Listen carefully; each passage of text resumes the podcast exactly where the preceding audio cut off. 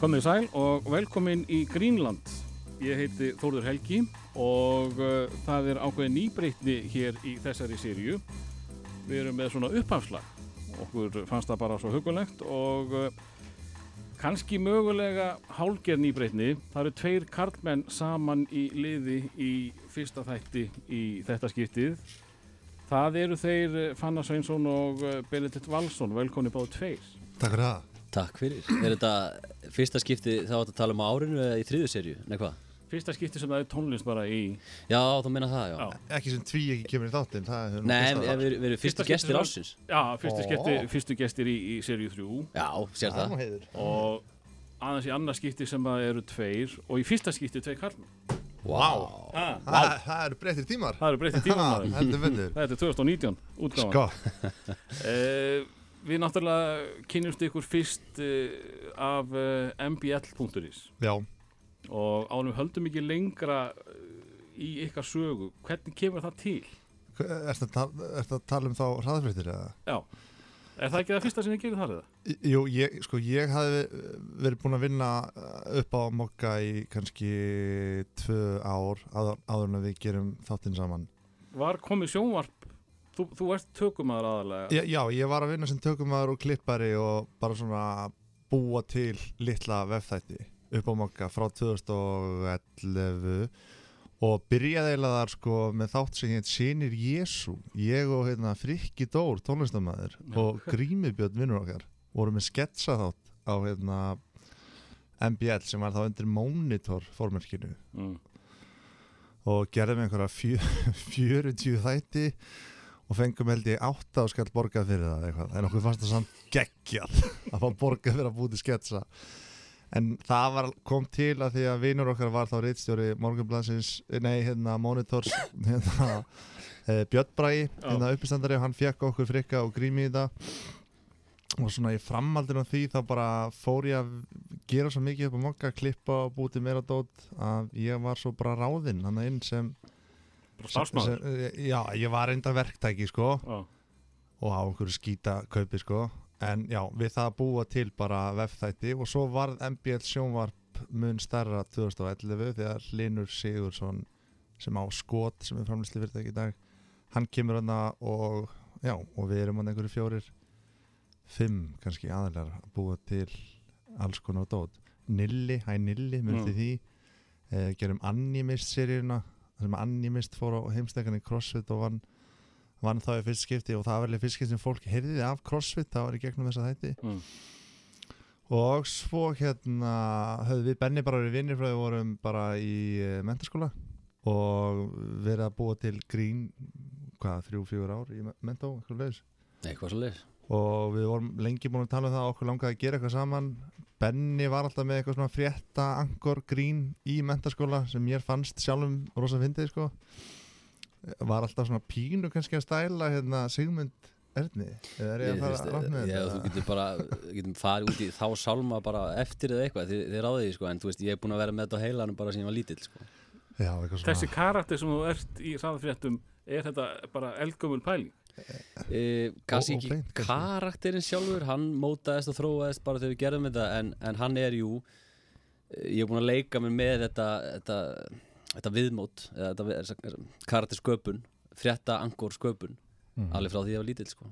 Og, og stó, þegar maður kynnist þér fyrst sem gaurinn sem er pínu líkur Sigmundur Erni í, í háttum, þá finnst manni þú bara vera þannig í daglegu lífi líka. Já, margir halda það líka Mér er líka skrítið að sjá því í joggingala í dag. Ég er alltaf í joggingfötum sko. Já, það. Já, að því að þú veist, þú sást mig kannski oft bara því að þú veist, vesinast hérna eitthvað að fara nýr í upptökum og eitthvað svona. Já, ég bindið og hvað. Ég þóla ekki að vera í svona fötum, sko. Mér finnst það mjög leðilegt, sko. Ég er alltaf í joggingfötum, sko. En en það er gaman að segja frá því að hugmyndin svona kviknaði kannski svona fyrst mann ef ég hugsa tilbaka þegar eh, Benni bjóð á vestugutinni og einhvern veginn voru að horfa á fréttir og ég hugsaði djúlari fyndið ef fréttaeinslæði væri bara ein spurning, eitt svar. Og svo vorum við bara eitthvað með þetta bakvið uh, hausinn, hvað sem er bakvið bakvið hausinn bakvið eh, lengi sko. Og vorum alltaf að tala um að nú þurfum við að fara að gera eitthvað í þessu og búa til hann litla frétta þátt sem við erum alltaf að tala um og gerðum aldrei neitt. Þangar til allt í hennu bara, við förum bara upp á mokka gerum þetta, pröfum þetta og fyrsta pælingin var einhvern veginn að við varum báðir sem sagt, í hlutverki Benna, Mm. báðir fréttaþullir og báðir út á vettvangi og myndum skipta því á mill okkar en svo þegar við tókum upp bara fyrstu kynningarnar með Benna í þessu hlutverki þá var ekki tekt að breyta því neitt sko.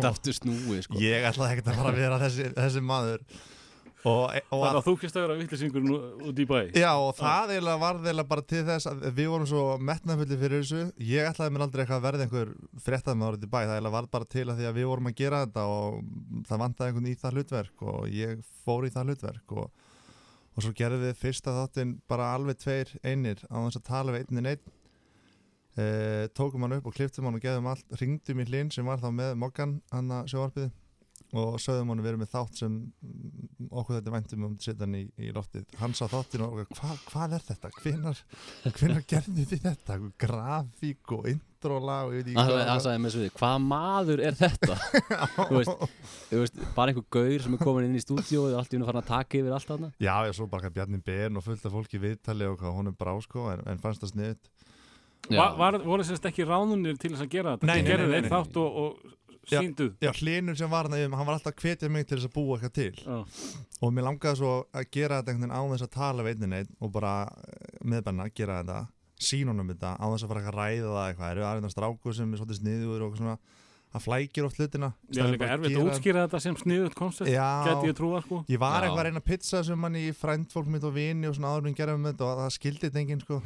Fyrir hann, að sá þetta Og hvað, hratt og hvað meira? Hva? En- en- Nei, bara hratt og En, Já, svo, en svo náttúrulega var það alltaf bara fyrsta pælingin sem breytti svo kannski aðeins með, með árunum og svona áherslum En þetta var náttúrulega fyrst algjör sjálfbúð að vinna sko. Mm. Ég var náttúrulega bara að vinna annar staðar Ég var á nætuvöktum og sambíli á þessu tímabili og ég hafði engan tími í þetta sko. Ég þurfti bara að sofa og þú veist, vinna nóttunni og mm -hmm. svo einhvern veginn mölluðu í gegnum þetta og hérna, Gerum 10-12 þætti upp á mokka minnum um að Var það ekki meira? Nei, Nei, það var ekki tíu, meira. Tíu. Tí- Já, 10 þætti. Og þú varst að tala um að það fengi lítið borga fyrir sinni Jésu Ég held ég að það fengi ekkert borga þetta Þetta var alltaf mikið tækifæri sko Að maður bara svona kingdi því sko. Já, það er ennþá að nota þess að ræða á mann þetta er svo mikið tækifæri sko. það hefur ekkert breyst sko. Nei, reyndar ekki. Þetta er bara showbusiness Velkomin í showbusiness. Já, svo, svo hérna þegar við erum búin að gera 10 þætti þá ringir hérna hann hérna eh, Sigmar í Kastljósinu í mig og spyrir hvort að ég og Benni getum komið í Kastljósið í haust. Og ég bara, já, já, ekkert mál. Ég held auðvitað að maður að byggja um okkur með, við kemum Mm. mm. já, en þið er ekkert samningsbundir eða eitthvað svoleiðis ég skildi hann ekki samningsbundir, ha Já, bara að þú veist, þið komið þá uh, Nei og þá var hann að tala um það að við ættum bara að fara að vinna í kastljósinu með hraðfritir og mér fannst það svo geggjað sko.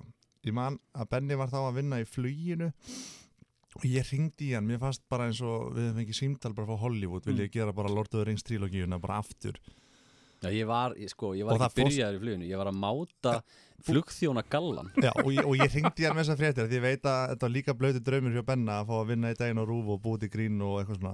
Ég, ég meina, fara bara beint í kastljósi hlýtur Þetta bara að var vera fáránlegt fyrir eitthvað 22 ára gauðra að fá að mitt komast inn í kastlösi þannig að ég ringdi Benna svo ógeðislega spendur og hann bara herru, hérna, ég get ekki alveg talað við núna, ringdi eftir smá og ég bara, "Ég- ég, ég, ég verð að fá að tala við þig, þú verður að hlusta á Ég er þetta. að máta hérna, hvað er þetta? Svo loksins þegar ég náði, ég man nú ekkert hvað ég sagði við síman en, en, en svo voru varst bara mjög andstuttur og ég eiginlega hafði ekki tími að tala við. Ég var alltaf upptekinn að neppa hérna vestinu setja á mig næluna og eitthvað. Þannig já, svo komum við hérna um haustið 2012 og, og byrjuðum. Og vorum í sjálfbóðlið bara við, hvað Sjálfbáða sjálfbóðlið, við erum í sjálfbóðlið að vinna hérna í fimm ár Já, svo var það Nei, ég er að tjók Nei, nei, en en að, já, og hvað, já, vorum og, við og, og, og var þetta vinnan ykkar? Ná, náðu þetta að Já, við, við dekka?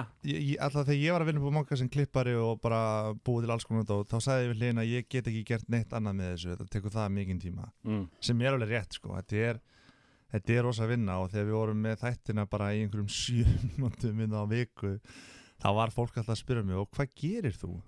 Já, ég geri þetta Nú, er þetta ekki bara einhverjar fimm mínútur? Þannig að fólk fattar ekki alveg bak þessar fimm mínútur voru kannski tíu gesti sem þurft að bóka og, og taka upp alla kynningarna með benna og klippa allt ótið og svona þannig að Og þarna voru það að fá kannski menn til þess að koma í setti til að vera í tvær sekundur Já, og, og það tók kannski klukkutíma að taka það upp. Já, já, til að byrja með þess og ég mann þegar Bjarni Ben kom til okkar í fyrsta skipti hann kom á þess að veita neitt um þáttin ég held að við tekið upp svona 40 kynningar með honum af því það að- hefur ekkert eh, skemmt fyrir að þetta var á ég. Nei, kannski líka, það ekki var líka frá, hérna, kostningar um voruður það það var eitthvað svo leys En við tókum 40 kynningar og endum svo að nota tökku held ég eitt eða tvö. Þannig að svo, svo Ég held að eina sem við gerðum með Bjarnar Ben var að gefa hún 5 eða eitthvað Já, já, alltaf Það var ekkert meira en það, en það þurfti að vera þessi fullkomni 5 sko. Já, Já, var eitthvað svona Benni, karakterins Benni og Bjarni Ben voru alltaf einhverju svaka svona perlu vinnir það var eitthvað svona húmor Mhm. Já, okkur sko Eh, þessi karakterna spenna er náttúrulega mesti sjálfstæðismæður landsins Já, já, Já, hann er íhaldsekkur sko. Já, Hann er margslungin sko. er það? Er þetta eitthvað sem þú ætlar að vinna með kannski meira í framtíðin? Nei, ég hugsa ekki sko. Við hérna, þegar við kláruðum loka þáttina hraðfrétti með 2016 þá jörðuðu við hann sko. já, hann var dreifin Það var kistulagning og allt sko. Já, ok Það var Ragnar Fossberg sem drap hann Sminkan hérna Barðan með hérna slökkvist Alveg rétt þetta Þú var varst í atriðinu, eða ekki? Alveg rétt, já, ég, ég, var, ég hjálpaði til að drepa þig, ég maður því Já, þú kannski hættu loka höggi En uh, ef við förum þá bara aðeins aftar í tíman, uh, þið kynnist ekki fyrir uh, á unglingsaldri, uh, þá gerir ég á fyrir að þú sést ekki í Vesturbænum eða eitthvað, eh, svo fannar. Ég fæðist í Vesturbænum Aja, og öll mín ætt er þaðan eða, eða ættir hans pappa fæðist þar en flytt svo í Fossvóin fimm ára eitthvað mm. já, fimm ára. Þannig að ég, ég er pínu vesturbæðingur í mér sko en Benni er náttúrulega búin að búa allar æfi og vil hvergi annars það að vera Ég bjóð reynda fyrsta árum mitt á Hálitsbröðinni Nú, Alltaf haft svolítið gaman að Oftið ég keiri hérna Hálitsbröðinni Eða hérna, hvað heitir hérna Miklubröðinni eða þetta? Mm. Það horfi ég alltaf svolítið á blokkinnar Ég er svolítið svona, það er eitthvað sem Eitthvað sem fangar aðtegli mína hann að hinum með við sko. En svo, já, þeir einsás Þá, þá flytt ég á Kaplaskjólsvegin og er þar og á meilunum sko. Uh, ef við förum aðeins í barnæskuna hjá ykkur, uh, Mhm. þá væri kannski ágætt að við myndum byrja á því að fá barnalagi frá, já, segjum Benna. Uh, þið áttu að velja eitt barnalag og eitt úningalag, einhvað lag úr barnæskunni til þess að keira barnæskuna svona skikkalagi í gang. Sko, ég, ég er náttúrulega svo sérstakur þegar kemur að og þú veist það. Og hérna ég hérna er náttúrulega alin upp svona já, í Vesturbænum og mamma og pappi skildu þarna þegar ég er hvað, 6-7 ára, mann ekki eitthvað slir þannig að ég er svolítið mikið með mömmu bara og bylgjunni. Mm þannig að þetta er svolítið Björgvin Halldórsson ah, bara eiginlega, já þetta er bara Björgvin Halldórsson Jú. alla æskunum þetta er Björgvin Halldórsson Hemmi Gunn það er alltaf hann um það segir þetta og Sigga Beintens þetta er eitthvað svona Ég er svo líka ánægð með að hann er ekkert að skamma sér fyrir það. Nei, Hann er bara bó og sigga. já, já. já, ég var reyndar alveg skammaðist mér fyrir það kannski alveg sem úlingur Mm. og reyndi að fara einhver aðra leiðir skilur, reyndi að hlusta á eitthvað þungarokka eitthvað svo bara nei, Þú bara tengdir ekki við neitt. Nei, bara hvað er þetta og svo bara, þú veist, í metaskóla bara, hefur ég bara fílað þetta og bara neldi mér bara í haug Mortens og Villa Vill og allt þetta og ennþá í dag, fílar þetta sko. Fíld ennþá í dag en ég er kannski ekki eins bilaður í þetta ég er Mm. miklu opnari fyrir allir tónlist í Þú dag ert alveg til í að heyra, heyra nýtt lag. sjálfsögðu Já. Og, og Svo það kemur frikki Dórin í spilið og þá hlýtur að vera hans maður. Já, núna hlusta ég bara á frigadór En barnalagið eh, Eh, sem að minni barnalagið? þig á barnæskuna. Þetta, minu, þetta er bara svolítið, ég er á kappskjólsveginum, bylgjan er í gangi, mamma er að elda einhverja fiskibólur og þá heyri ég bara á þann í útvarpinu heyri ég lag.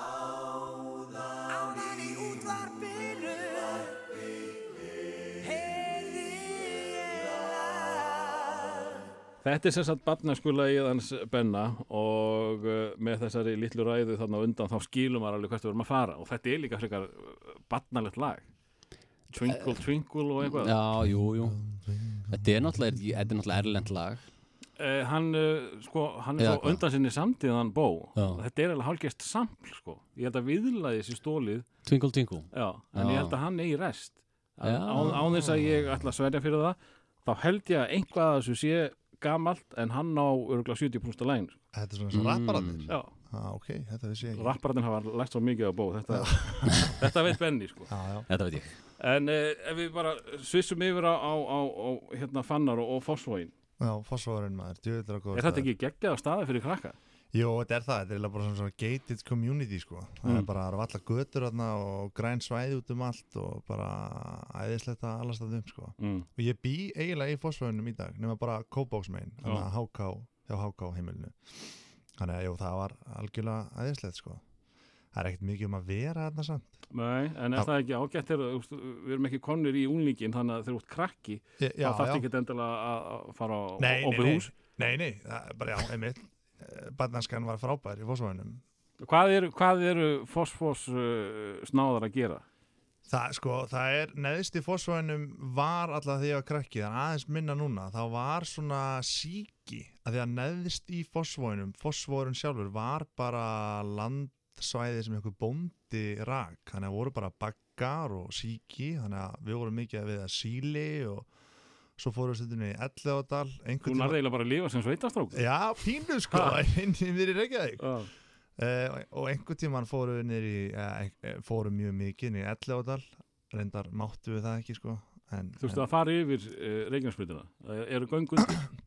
en uh, við þurft, við þurft, nei það eru göngundir hana, hana, og svo kom einhver brú lungu setna, Mm. þannig að maður gætt skottast þannig og svo að þetta var líka fyrir farsíman og svona, þannig Mm. að maður bara lauga maður var að fara út í fótbolta og svo var maður bara komin um uh, og ein, Það er náttúrulega ævintýrland já ég man einhvern tíman alltaf að fara þarna og drepa einhverja minka þegar við sáum í sjónvarpunum það að einhver strákar hefur drepið minka og fengið 500 kallur í minkin og við bjöggum til einhverja naglaspítur og ætlum að fara að stúta einhverjum minkum það gekk náttúrulega ekki neitt sko Nei. en Sáuðu mig? nei, nei, Nei. við sáum ekki neitt sko Er ykkur minka?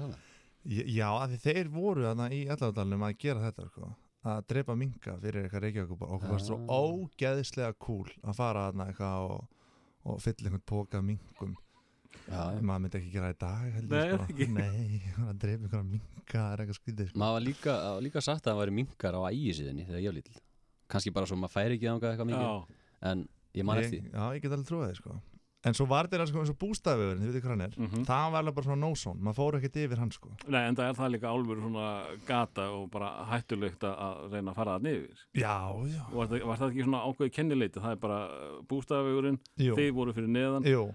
Var ekkert stríð þá við þá sem að voru fyrir ofan? Ég, ég var alltaf lítið í því sko. en svo saminuðust sko, þessi tvö hverfi, bústæðakverfið og fósfáskverfið í réttarhaldsskóla þegar maður varð eldri sko, Mm. og þá kynntist maður fólki þaðan en, og hitaðutistokkurinn sem er meðfram bústæði við það var sko aldrei grindverk á honum. Þannig að hann var stór hættulegur og það var einhvern mann rosa slísatna manni þegar ég var lítill og mikið talað um það og svona mætti ekki hjóla á sem hitaðutistokk og svona. En, en stokkurinn kalla bara á því, hjólað á mér Já, hjólað já, á mér, við, við hjóluðum á honum sko, enga síður sko. En já, fósfáin En, en hvernig, hvernig krakki ertu? Mm, ég var rosa þægur krakki. Eh, hlýtti mömmu einhvern veginn í öllu og hún sagði mér að koma heim klukkan eitthvað átta þá var ég bara mættur á slægin átta. Svona frá því ég var krakki til svona 10, 11, 12 þá kannski breyttist það aðeins. Það nefndi ekki að vera svona rosalega þægur sko. Ertu ekki, þú ert að bulla í honum bara? nei, ég var Er- Þú sagði einhvern tíma um mig já, Ég veit ekki hvort ég með að segja þetta, jú jú, Að það það hafi strókið á leikskóla. Já, ég gerði það reyndar sko, það, sko það var, það var prakkar í mér sko Er það já? Já, já, það var prakkar í mér en ég var samt þægur sko, ég Mm. var ekki svona vi, uh, vi, villingur sem badd sko. En getur þú sagt okkur aðeins nánar af þessari, þessari Ég var náttúrulega mjög stór krakki sko Mm. og fyrir mig að klifra í grindverk á leikskóla var lítið mál, þannig að einhvern maður vinkona mín sem var komin þá í sexara bekk, hún var að labba fram á leikskólanum í Kvistaborg og sagði, viltu ekki bara koma með mér heim og ég bara, jú, jú, við byggum í sömu blokk þannig ég bara vippaði mér í grindverkið og fór heim. Og svo kom mamma kortir í setna og enginn fannar og einhver krakki þannig að ég hef grafið mig onni í sandkassan og ég er hérna sko ég er hérna að sitja, því ég nú og ég er badd sko sem verður enda bara eins ás ekki fimm ára en ég get ímynda mér bara tilfinningarna sem fóru gegnum mömmu þegar ég var ekki á leikskólanum þegar hún kom að ná í mér. Og ég man ennþá í dag að því ég fór bara heim og dinglaði og það var engin mamma heima ég man þegar mamma kom hlaupandi og ég skildi ekki alveg hvað ég hafi gert sko því ég ætlaði bara að fara heim Mm. en svo var ég tekin í leikskóla og ég átti að útskýra þetta mál mitt okkur ég hef farið strókið á leikskólanum En uh, já, spennandi að heyra hvernig þú varst sem, sem uh, já, yngra barn uh, Benedikt. Já, ég, ég Af því þú varst að halda því fram áðan að þessi sjónvarskarakter, fréttamaðurinn, hafi við bara orðið til mjög snemma á lífsliðinni Já, bara þryggjára, byrjar að pæla í þessu. En þú varst reyndar eða ekki, svo ég sé gripinni Þú varst byrjaði mjög snemma að herma eftir hemma Gunn og Já, það er enda satt, það er til sko, þið megið endilega þegar þið viti kannski Já. betur og er að, að rifja upp og uh, þú manst eitthvað sem að hinn mann ekki endilega skjóta því að sko. Ég get ímynda með að þú vannst þetta ekki Já. Ég hef getað komið líka og sett hérna á lagi hérna Tarsan Ababróður og allt þetta lattaplatar hann Hann var í hlusta- Já, ég var mikið að hlusta þessa já, uh, En já, það er til vídeo af mér Það sem ég er kannski sex ára Giska já, kannski yngri eða eitthvað. Það sem ég er að leika hemmagunn Sitt í einhver leðurstól og þú ert ekki Latti, þú ert hemmi Gunn. Ég er hemmagunn, bróður minn er að leika Elsulund Og ég sé þetta, þetta er sko gott dót sko. Þetta er ekki eitthvað svona krakki bara að leika sér sko. Hann er alveg bara Já, ég, flottur, ég, sko. ég, ég, snáði kallinum ekkert sko. Nei, nei, nei þú var- flygstar á réttum stöðum með það ekki? Jú, jú, ég, þetta var bara fliss Eintómt fliss. Maður sá hann átti heim í sjónvarfi, snemma. Já, já, já, já, já, planið var að verða sjónvarpmaður. Já. Nei, nei, ég var, eins og ég segi örgulega svipaður og fannar bara svona rólegur drengur, sko, Mm. og yfirvegaður og, og svona ekkert uh, mikið vesen á mér í, í svona á leikskóla tímanum, sko Nei. og hvað þá heldur í, í skóla, sko var bara, já hvað hva gerir sko hérna við sem að búum ekki í Vesturbænum og erum ekki káringar hmm. þá uh, við hugsun svolítið mikið að það sé mikið, þetta sé mikið snopp og, og, og uh, svona heilsala sínir einhverjir. Já, Er- ég upplýði það ekki, sko Nei. þá ertu kannski komin meira út á seldaðinnes Mm. uh, Nei, þú veist, þetta var bara þú veist, ég var í sagt, grandaskóla og uh, kunni vel við þann skóla og uh, svo fer þetta eins og með Fossvóin, sko, að saminast allir í Hagaskóla Mm. þegar maður er honin táningur, sko Og svo átti við sameilan vin sem er kannski Það er gaman ótrúleg að- saga. að Við föttum það bara fyrir svona fjórum árum að eitt besti vinn á spenna á grandaskóla flytur, ég man ekki, tíu ára gamall eitthvað í Fossvóin mm og verður besti, besti vinnu minn. Þetta er ótrúlega og Ben er ofta komið í Fossvóin bara að gista og leika við þennan strák sem heitir Bjarki, frábærstrákur mm og svo fyrir Benni heim og svo kem ég og leik við Bjarka þannig að við vorum að krossa þennan vin Án þess að hitta. á þess að hittast, á þess að vita. Kannski hittust við kannski, ég er enda mann En af hverju tók það svona langa tíma að áttu ykkur á því að þið tengist þarna með Bjarkanum? við vorum bara eitthvað að rifja upp eitthvað random eitthvað Já. æskuna eða eitthvað og ég nefndi hennan Bjarka á nafn og hann bara Bjarka hvern og, og þá bara what? Bara nei, hann er vinnur minn En, en aftur í Vesturbæin, Já, eftir bæn, já hva, hvað gera litli drengir þar sér til uh, skemmtunar? Þetta er uh, snýst svolítið um út að leiki fótbolta sko Mm. uh, Er íþrótta yðkun rosalega sterk í Vesturbænum? Náttúrulega gáringar stórveldi og, og, og uh, menn hafa hana merki til þess að berja á hjá hjartanu. Já, þá er komin eins og með, með hérna, fósforskverfi þar sker ringbrautin ákveðin hluta Mm. mm. vesturbæðarins og þeir sem eru hinum með við ringbrautina í vesturbæðarskóla þeir eru meira svona listaþengjandi menningafólk og þeir sem eru 107 megin þeir eru meira íþróttafólk já, og ég var svo sem aldrei fótboltastrákur sko. bróður minn var alltaf í fótbolta og svo reyndar fer ég að byrja að æfa eftir að þjálfari bróður minn segir eitthvað eitthvað einhvern tíma þegar ég var að horfa á æfingu á bróður mínum ertu, ertu réttfættur eða örfættur og ég eitthvað örfættur og, já, nú byrjar að æfa, okkur vantar örfættan sterkan kantmann eitthvað mm. og ég fer í það og fór á nú. og fekk að spila í D2 það var D3 líka Já, þannig að ekki, þetta er ekki ég var ekki í versta liðinu, ég var líka í D2 sko. þú sér það og, og ég er örfættur sko. þetta er, vá, þetta er ótrúlegt sko. kemistriðan sko. Aðeins. já, ég var sem sagt, já, ég var ekkit of sterkur í fótboltanum og ákvað að halda mig við skíðin, ég var sem sagt líka að efa skíði. Já, já. ekki með káur, endur um ármanni. Mm sem ég veit ekki af hverju. Er, er skíðadelt hjá Káir? já, já, já, Já, ég veit ekki, skálafell er nú ekki lengur kannski í gangi, en Mm. þeir voru með aðstöðu þar. Þannig ég nú, nú veit ekki hvort að skíðadeldin sé virk. Mm en ég var að æfa skíði með ármanni, já Þannig að þú varst ekki einn af þessum uh, boltadrengi. Nei, þeir, voru, þeir voru náttúrulega vinir mínir í og bekkja bræður mínir sem að spiluðu þarna og voru mjög góðir sko Mm. og hafa ná langt, margir Eins og hver? Guðmdreinu Gunnarsson með mér í bekk, mummi Mm -hmm. hann er þetta hættur í fótboll í dag en náði ágætlega langt Þessi sem er tónlistamæður líka já, Já. hann var mér í back uh, svo já, kannski meira svona líka einu ár eldri liðið, Theodor Elmar var hann mm. þessi kreðsa sko Skúli Jón Friðgjesson gleymi skúla, Já, nei já. hann var náttúrulega ekki í grandaskóla Já, hann var á já, hann sko. var á nesinu Ok já, já, svona hinn og þessi sko Mm. Mhm. en uh, já, ég fann mig ekki alveg í fótboltanum sko En hva- hvað ertu þá að gera? Uh, sko, ég maður þegar ég var krakki þá var ég mm, mikið að skilmast uh, það, Mesti töffarinn í Njarvík var sá sem átti pappa sem smið sem gætt sem sagt, búið til bestu sverðin sem að brotnuði ekki í barðuðunum já, hérna hér, og úr hverju var voru þessi sverð? Bara úr ekki krossveða plötum sem allir hinn voru með.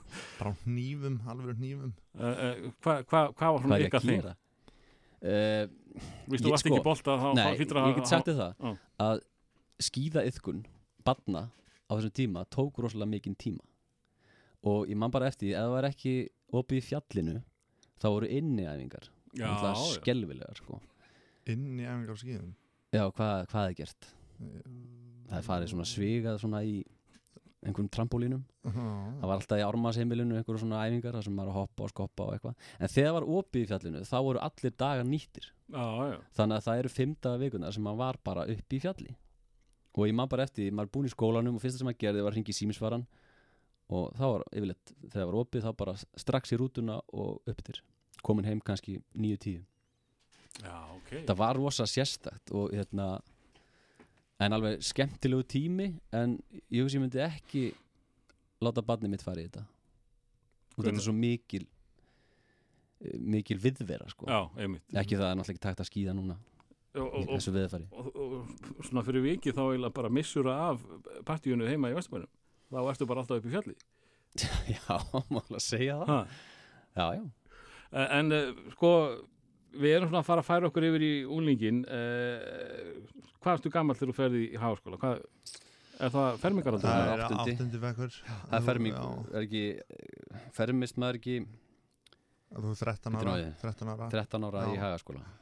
Já, Ég held að já, Þá skelli ég 13, mér í 14, hagaskóla. 15. þá er kannski spurningum að við, við lokum bara barnæskunni og fáum hérna barnvænt lag frá Fannari eitthvað sem minnir þig á, á, á þína æsku E- Erum við að tala um bara eitthvað fjara fimm ára?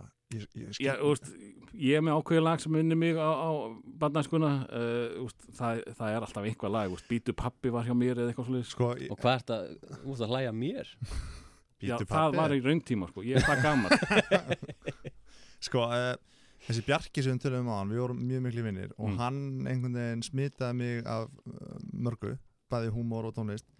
Og hann var alltaf að hlusta á hérna Ramstein-plötuna, hérna Mutter, Mutta og lagið Sonni á þeirri plötu minnir mig mikið á, á þá er, Þú ert ekkert í leikskóla nei, þá er ég 12 ára. Já, ok. Þannig að þú veist, þá þá er, erum nú komin í úlingin sko. Já, það er svo, En hann má velja að þetta er hans lag. Já, en það, Já, það er svo hann sem tekur við þá sko, þarna, þarna skil ég eða svolítið við barnið í mér fer- eftir að kveðja barnið með Ramstein já, já, svolítið sko. Múter. Múter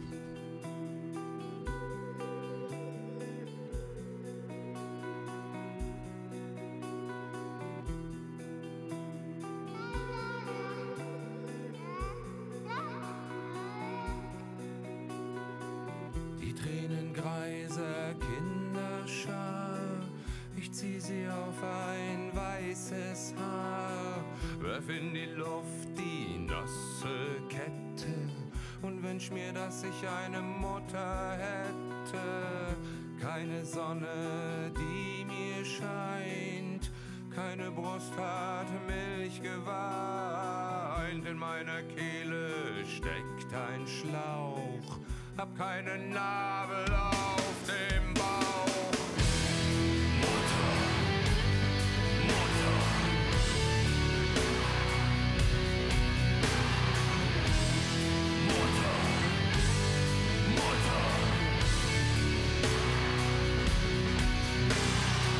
Ich durfte keine Nippel und keine Falte zum Verstecken.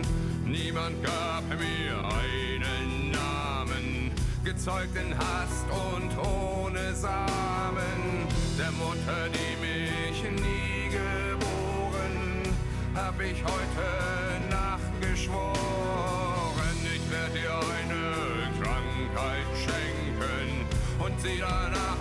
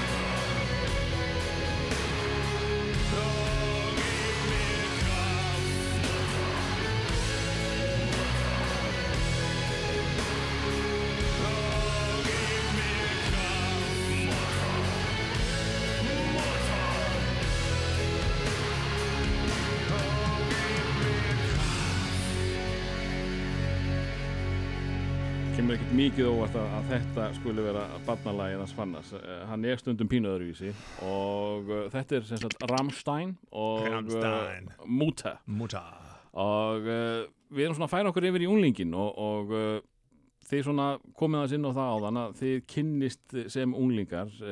Áður hún kemur að því þá þá náttúrulega er mikið viðbrið fyrir þig að fara úr grandaskóla yfir í hagaskóla.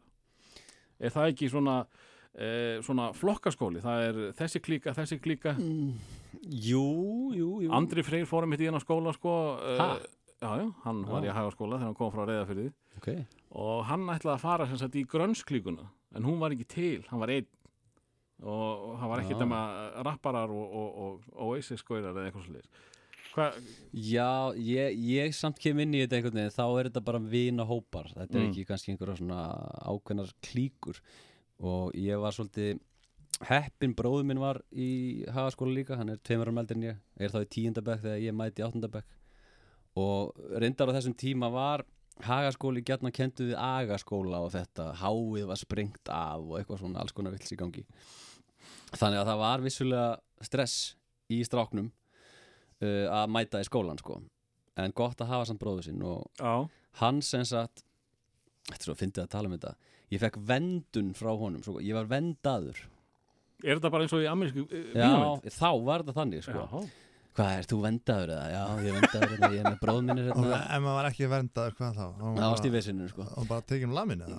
Nei, kannski ekki þannig, þetta er meira svona þá voru eldri krakkarnir kannski að láta þið hoppa og aðtuga hvort að klingi nokkuð í buksnavöðsunum og menn voru það fannir að setja þetta í sokkana bara klingið fyrir snúðunum í hátæðinu sko þetta er ekki, þetta er ekki amerísk háskólamynd þetta er bara fangilsispind Já, já, ég, ég, ég lýsi þessu samt Þetta var nokkið það brútal En það var samt alveg svona, maður pínu skelkaður að mæta í skólan svona. Endilega íkja allt, það gerir þáttin skemmtilegri sko. Ok, Þannig að- þetta var algjör horfbjóður og uh, mér leið ömurlega og þorði ekki að mæta í skólan En, en sko, þú ert þarna með, uh, þú ert vendaður og, og uh, þá vantarlega eru flestar uh, dyr opnar fyrir þér.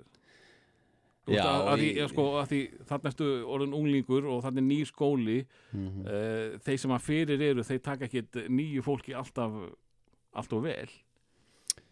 Nei, nei, nei, en þú veist uh, þetta var, þetta var álmuskipt Var Mm. það svolítið sér rétt og líka?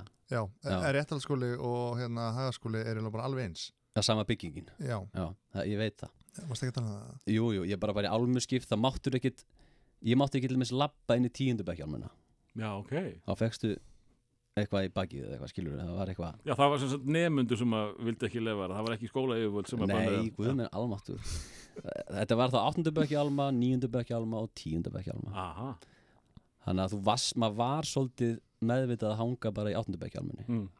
Þurftir ekkert að vera að fara Nei, reyndar þurftir að lappa í gegn níundubækjálma til að fara skilur í tíma og klósitið og, og borða og eitthvað svona. En maður svona þaut í gegnum það bara. Já. En ég var, ég var vendaður en það var nú svona allt í lagi. En hvernig, hvernig var hagaskóli, eh, agaskóli? Mjög skemmtilegu tími, virkilega skemmtilegu tími og, og bara hrikalega gaman að hérna fá að alast upp þarna, ég var nú svo sem engin námshestur sko. Nei. mér varst nú mest skemmtilegast bara að chilla og slaka á með vinnunum? Eh, sko þetta er náttúrulega komin tími eh, sem sagt í, í þessu skólalífi þar sem að svona félagslíf verður meira áberandi. Já, eh, varstu virkur þáttakandi í einhverju svoleiðis eh, einhverjum uppfæslum eh, á ásatíðum og einhverju svoleiðis? Já er, svona, er bakterían farin að býta þig í rassinn? hún býtur mig í rassin einhvern tímann í níundabæk þá, þá er ég farin svona eitthvað að verða manni hvað þetta hét þetta var eitthvað svona f- formensku í félagsmiðstöðunni eitthvað. Mm. Og svo fór ég í tíundabæk fór að hafa meira áhuga á að, að gera meira og, og var í hérna uppfærslu af af söngleik hárinu, Já, tók þátt í því. Söngstu? söng, söng uh, tölu held ég, Nú, svo Benni þrjusi söngvari sko. Fyrir svo- það? Já, já. Ég var það. Svo er þetta spurning um að viðhalda röddinni sko.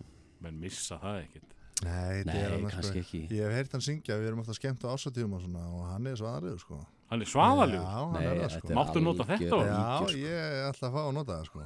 Hann vil draga sér niður sko en hann er góður sko. Ég vil vera góður sko Já. en ég kann ekkert að syngja. En Benni er með rödd sko. Já, já, ég, svo spilum við eitthvað á böllum eða svona einhverju svona þemaböllum. Mann sérstaklega eftir einhverju hippaballi þar sem við spilum held ég alla trúbrot lifunarplötuna bara í gegn. Váka, ég var til að sjá það. Og hérna, það var mjög skemmtilegt Frábær Spiluðu plata. þá í hljómsveit eða? Já, Varstu söngar í hljómsveit? ekki í hljómsveit, bara fyrir þetta, þetta eina gig skilur Já, við æfðum bara þetta prógram fyrir þetta eina skiptu og svo aldrei aftur skilur Mm. En, en, en sko þetta ertu nú heldur betur komin á bræðið með uh, í tónlistagýr Akkur, akkur eldur það ekki? Svo Mm. miða við það sem að fannar er að segja Það er sko- það er ekki rétt, Hann söng á hérna grunnskóla kemninni, hann að, hvað heitir hún? samfés Samfjös, Já, já. Nú, guppaði baksviðis á stressi það er hár rétt það sko. þetta já, ég má að gleyma því það hérna, er svo gott að hafa hérna, við erum að bakka okkur annan upp sko.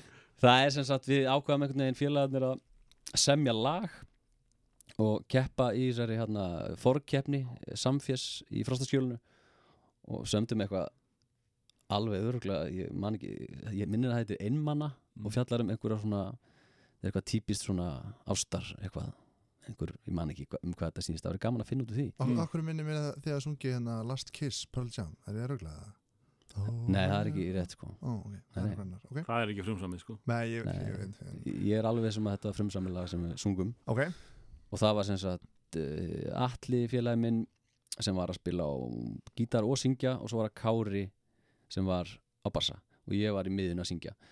Og við unnum þessa keppni mjög óvænt í frostaskjólinu, vorum að keppa alls konar fólk og, og, og góða söngvara.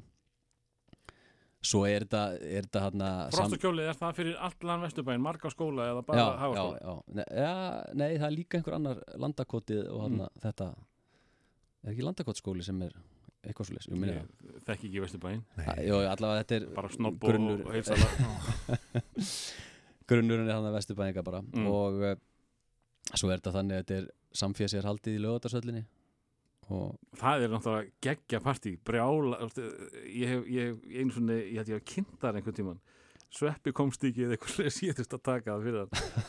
Og lætin hann góða kvöldi ja, Já, þetta, þetta er rosalega, sko, en það ældi maður nú stressi, sko, að hann fór upp á svið, sko. þetta, var, þetta var svolítið þannig að við borðum einhverja pítsu í flýti í frostaskjólinu og svo bara brunuðu við og þetta var náttúrulega örgulega 70 sko, Þúsund manns. keppendur eða eitthvað Nei. mm. Nei, og svo 70.000 manns náttúrulega inn í höllinni og svo man ég bara eftir því að við erum eitthvað svona ráfa og ég byrjar að finna eitthvað í maganum eitthvað er ekki í lægi sko og bara þetta var stóra giggið maður þannig að ég einhvern veginn eh, svo segir einhver kona eitthvað er að frostaskjól vera tilbúin hérna á aftanhörðina og ég eitthvað já, já, já, já, og rölti svona aðeins bakvi í sturtuklefan og bara æli og spúa allir í pítsunni yfir allt. Og hleypin á svið með bara æluna í fjesinu eiginlega. Klára lægið bara með sóma og kemst ég aftur baksvið og þá er allt vittlust eitthvað. Það er einhver æla inn í sturtunum og ég kann, guð minn almáttu, djöfus viðbjörn er þetta Það er alveg pínir rokk í þessu. já, já, en, en það var ekkert sæti eða neitt svona, sko, nei. þannig að uh, má segja að uh, flatbakan hafi tekið að þess rokkið stjórnu tíma nei, Nei. það er ekkert að segja vegna þess að svo, Kjærst áfram svo förum við í Vestló sko, og þá, þá held ég áfram þar sko. Uh, færum okkur yfir á fannar vegna þess að, að sko, þú talar um að það og góður fram að 10, 11, 12 ára aldri og 12 ára ertu farin að hlusta á Ramstein og þá ertu greinlónu villingur Sko, ég er þetta hef alltaf og er ennþá í dag þægur, sko. Þannig að halda allir að ég sé þessi trúður úr sjónarfinu sem uh, blasir við fólki sem hraður þetta þetta, sko. mm. Sem er náttúrulega ekki rétt, sko. ég er náttúrulega löngu búin að mynda mér þá skoðum sko. og ég hróka fulli fáti nákvæmlega Eh, Já, hvað voru við? Uh, unglingárin Já, sem sagt, uh, að því þú sagðir áðan að þú hefur verið mjög góður fram að einhverjum ákveðnum tímapunkti. Já, uh, svo heldur því fram núna að þú sést alltaf góður. Sko góður sko, ég, var þægur sem krakki og líka þægur sem unglingur en ég svona fór kannski aðeins að vera minna þægur þó ég hef alltaf verið þægur uh, en já við, ég byrjaði í réttarhaldsskóla á sama tíma og Benny Þau eru já gamlir já, við erum nákvæmlega jafn gamlir sko. Já. Uh, þannig að, já, og fór í rétt, og það, það er að sama þar, sko, þá saminast þessi tvö hverfi, eins og ég sagði hann það er hérna bústaðar hverfið og, og fósfóks hverfið í rauninni tveir skólar, Mm. réttarhaldsskóli nei, hérna fósfóksskóli og, og breðgirskóli Og, hvernig var þegar að svona, þessar tvær uh, típur mætast? Það var alveg gætur í vesen, sko Já, og það var alveg, ég get alveg eins og Benni var að vitni á þann eitthvað svona að vera að láta mann hrista mann fyrir einhvern pening og það var líka alveg í rétt sko. ég man að ég var tekinn til hliðar og var teiknuð svona kísa á mig með oljutús sem ég náði ekki af mér í einhverja þrjá busunni, daga. Já. ég glemdi náttúrulega að tala um það Já, það var gert í hérna við mig mann ég og hérna wallet típur hérna í réttraldsskóla sem var, ég var vendaður, fekk ekki, ekki penna í andliti sem var þorðið ekki að að nálgast sko. En, en, en heilt yfir þá var réttraldsskóli bara frábær og margir af mínu bestu vinnum eru strákar sem ég kynnist þar sko. Er, er busunni í, í grunnskólum? Já, en hún, hún er bara svona út á ról og svona að hún kemur inn í skólan Já, ekki í ekkert, dag. ekkert opinber Nei, nei, það er ekki ofinbært sko. Og þá er þetta bara eitthvað svona krota framan í og, og sumir lendu Já. verri í þinn aðrir sko. Ég man að eitt lendi að hafa girt niður um hann eitthvað inn á ganginum og það er náttúrulega viðkvæmt þegar þú ert 12 ára sko Já. og eitthvað svona, einhver leiðindi sko en ég held En að það sem- er, það er uh, samgangur, eða ekki, svolítið Ha. milli rétt og hagaskóla. Ég man alveg eftir því Jú, að undir það svona voru- tíundabæk, þá var maður svona í einhverjum hittingum með Já, fólki þaðan. það voru einhverju strákar man ég, sem voru með mér í árgangi sem voru svona eitthvað að fara yfir í önnur hverfi og eitthvað svona að checka á því öllu sko ég, ég var ekki, ég var svo saklus ég var svo saklus framan á sko Já, Þannig að ég var ekki í því sko og það, þetta var líka svona tíma þegar svona internet síðu voru að byrja Þú veist, þá náttúrulega var ekki tilhend Facebook eða MySpace og þá voru menn með svona sínar svona slúður síður og ég man að var einhver síða sem hétt eitthvað, nú er ég bara skáld eitthvað en hétt eitthvað svona tilveru eitthvað, punktur eitthvað. Mm. og þar var bara svona slúður um krakkana úr réttarhaldsskóla, árbænum og hagaskóla. Og maður lent á þessari síðu sko, það var ekki gott sko. Í dag myndi þetta örugglega teljast sem einhvers konar netnýðið eða einhelti sko, og þetta náttúrulega bara var það. Já. en hérna, maður fylgdist með þessu á, á 56k mótið mig muni ekki því, maður þetta ringja til þess að komast inn á netið og... Nei, hann, þá er Þórður þá ert þú hann fullorinn maður eða ekki? Ég er hann fullur um Já, maður, já, en ég eignast mína fyrstu tölvu ekki fyrir en ég er þrítugur eða eitthvað sko. Nú, Já, ég er íkja kannski aðeins, en uh, ég, ekki mikið. það var náttúrulega, það voru heimilistölfur bara hjá, heima hjá okkur eða ekki Já, maður var að downloada kannski einu lægi í sjö klukkutíma. Og það gæti ekki verið símanum á saman tíma. Og alltaf má ég fara á netið? Já. má ég fara á netið, nei. Ekki nú hún ammaðin er að fara að ringja hérna á eftir. Mm og að lóta svona bloggsíðu tók langan tíma og eitthvað svona, maður, var, yes, ég er komin inn eitthvað, hvað er að gerast?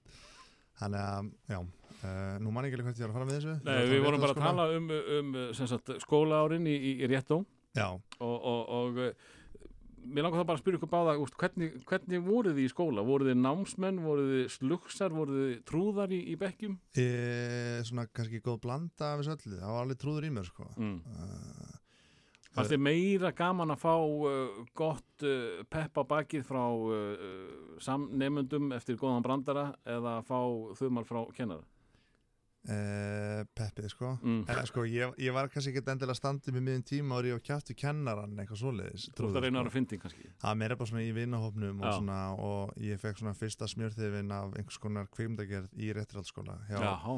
manni sem kemdi kvikmyndagerð þar sem hétt Marteinn og var með kvikmynda námskeið fyrir krakkana í 8. 9. 10. veg og við gerum stuttmyndir og svona alls konar hjá honum uh, Svo var tímabil í réttarhaldsskóla svona kannski, já, allur nýjundu bekkur fórulega bara í það að spila Counter-Strike, sko. Töluleikin, ef þú sko það er. Mm.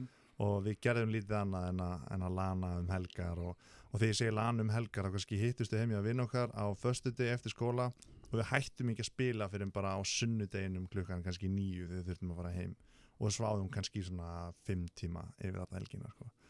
Þetta var alveg sjúkt, sko. Var, varst þú alveg laus við þetta? Lannið? Já. Já, ég var ekkert í því sko Ég, náttúrulega, sko áður en ég fer í hagaskóla þá er besti vinnu minn eina ára eldri og bjóð hann að rétt hjá mér sko Pippi og hérna, við varum náttúrulega uh, mikið saman, ég, hann og, hlinu bróður minn og, og hérna svo ég kem í hagaskóla þá svona breytist þetta allt saman og þá hættu við að vera mikið saman og þá fórum að vera með jafneldur sínum bara eins og, eins og gengur að gerist Mm. Og um, þá hérna, já, kynnist maður líka alls konar fólki bara í fyrst skipti og, og hérna uh, það voru gaman og, og ég var kannski svona svipað eins og Fannar segir, svona þessi blanda sko. Held samt að þú að vera aðeins meiri töffar en ég svona, já, pottet meira sko. pop, popular svona meðal stefnana og svona. Já, ég, get- allir ég hafi ekki verið byrjar að, að kissa stelpur og undan þér. Já, og byrjar að drekka undan mér líka já, já, Já. en ég byrjaði ekkert í áttundabekk sko. Nei, nei, en samt svona aðeins undan mér manni maður byrja að fykta við þetta í hagaskóla vissulega, Já. Mm. vissulega. en jú, jú engin námsmaður sko, ég fjall náttúrulega á eh, starffræði í samrættuprófunum sko. Já, ok. þannig að það var ekki gaman sko. ég þurfti að fara í sumarskóla Já, það var þó í bóði. ég, sko, já, það var í bóðið og vildir það sko. Mm. og ég var með það mikið metnað eftir hagaskóla ég, ég ætlaði í Vestló sko.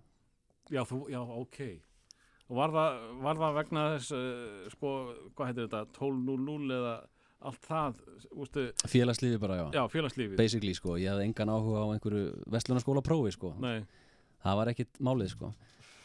það var meira bara að komast inn í Vestló og í eitthvað, eitthvað svona félagslíf Mhm. og hérna, já þannig að það var bara eitthvað herru, þú fjælst, ég fekk sko ætli ég ekki fikk fjóra á þessum samrættaprófum sko. og svo fór ég í sumarskóla og náði grimmir í áttu mm. í starffræði en það myndi ekki duga í Vestló í dag.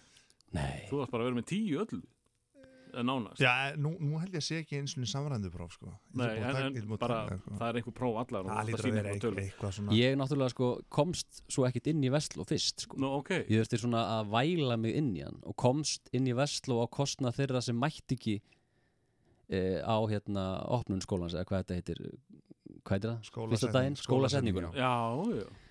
Þannig ég er svolítið heppin sko Byrju, náður að tróða þér inn vegna þess að einhverju mætti ekki í setninguna. Já, þá, þú veist, ef einhver mætir ekki í setninguna þá er hann bara ekki í skólanum Já, þá er það bara að útilokað. í þeirra spott Já, og uh, mæntalega hefur verið þannig að það var fyllt í þau, þau spott bara út frá því hverju voru spenntastir að fara inn sko. Mm. Og þú varst spenntur.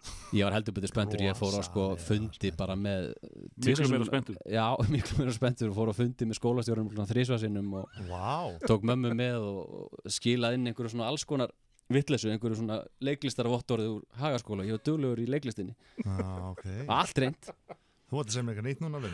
En, en hérna, úst, svo ég spyrir þig eins og Benna, úst, hvort fannst þið skemmtilegra að fá peppi frá uh, nemundum eða, eða kennara? Uh, að því, þið segist báður hafa verið svona sýttlita af hverju, uh, slóði, uh, trúður eða, Sko, Þetta spyrir mig já. Já, já, Benna, já uh, Nemyndunum örglega sko Mm. Ég var samt alltaf svona þokkala vel liðin, vel, vel liðin hjá kennurum sko. Ég var ekkit Ég held að kennara hafa alveg þólað mig sko Mér leið alltaf eins og kennararnir hötuðu mig sko. og ennþá í dag líður mér alltaf eins og fólk sem er yfir mér kunni illaði mig ég veit ekki af hverju, þetta er bara eitthvað í mér örglega ekki skilur en, mm. en hérna já, ég, ég ætlaði bara að koma að það En, en uh, má ég þá spyrja þig, Fannar, uh, sko, þeir sem að enda í svona einhvers konar, uh, ég var að segja, skemmtana uh, starfi, Já. það hlýtur að vera einhvers konar aðtikli síki á, á yngri árum. Jú, jú, ég, eins og í réttarhaldsskóla ég var farin að vera kynir á ársáttíðinni í áttunda eða níunda bekk og ég veit ekkert hverju ég var valin það hlutverk eða fólki fannst ég eitthvað sniður sko. Mm. og var að taka þátt í einhverjum svona söngvakefnum og, og þegar ég gerði það þá var það bara einhver svona djóki sko. það var ekkert að ég kunni að syngja Út frábær söngvari ég, ég man Svo aðalegu kannski. ég man að ég lék Kallabjarna í einni söngkefninni sko, og var alveg bara að gera grína á honum sko. Mm. Dóri DNA var hérna dómar í þessari ágætu kefni uh, þannig að maður var farin að trúðast sko, og búa til einhvers konar svona vídeosketsa og eitthvað djók þannig að á þessum árum 8. 9. 10.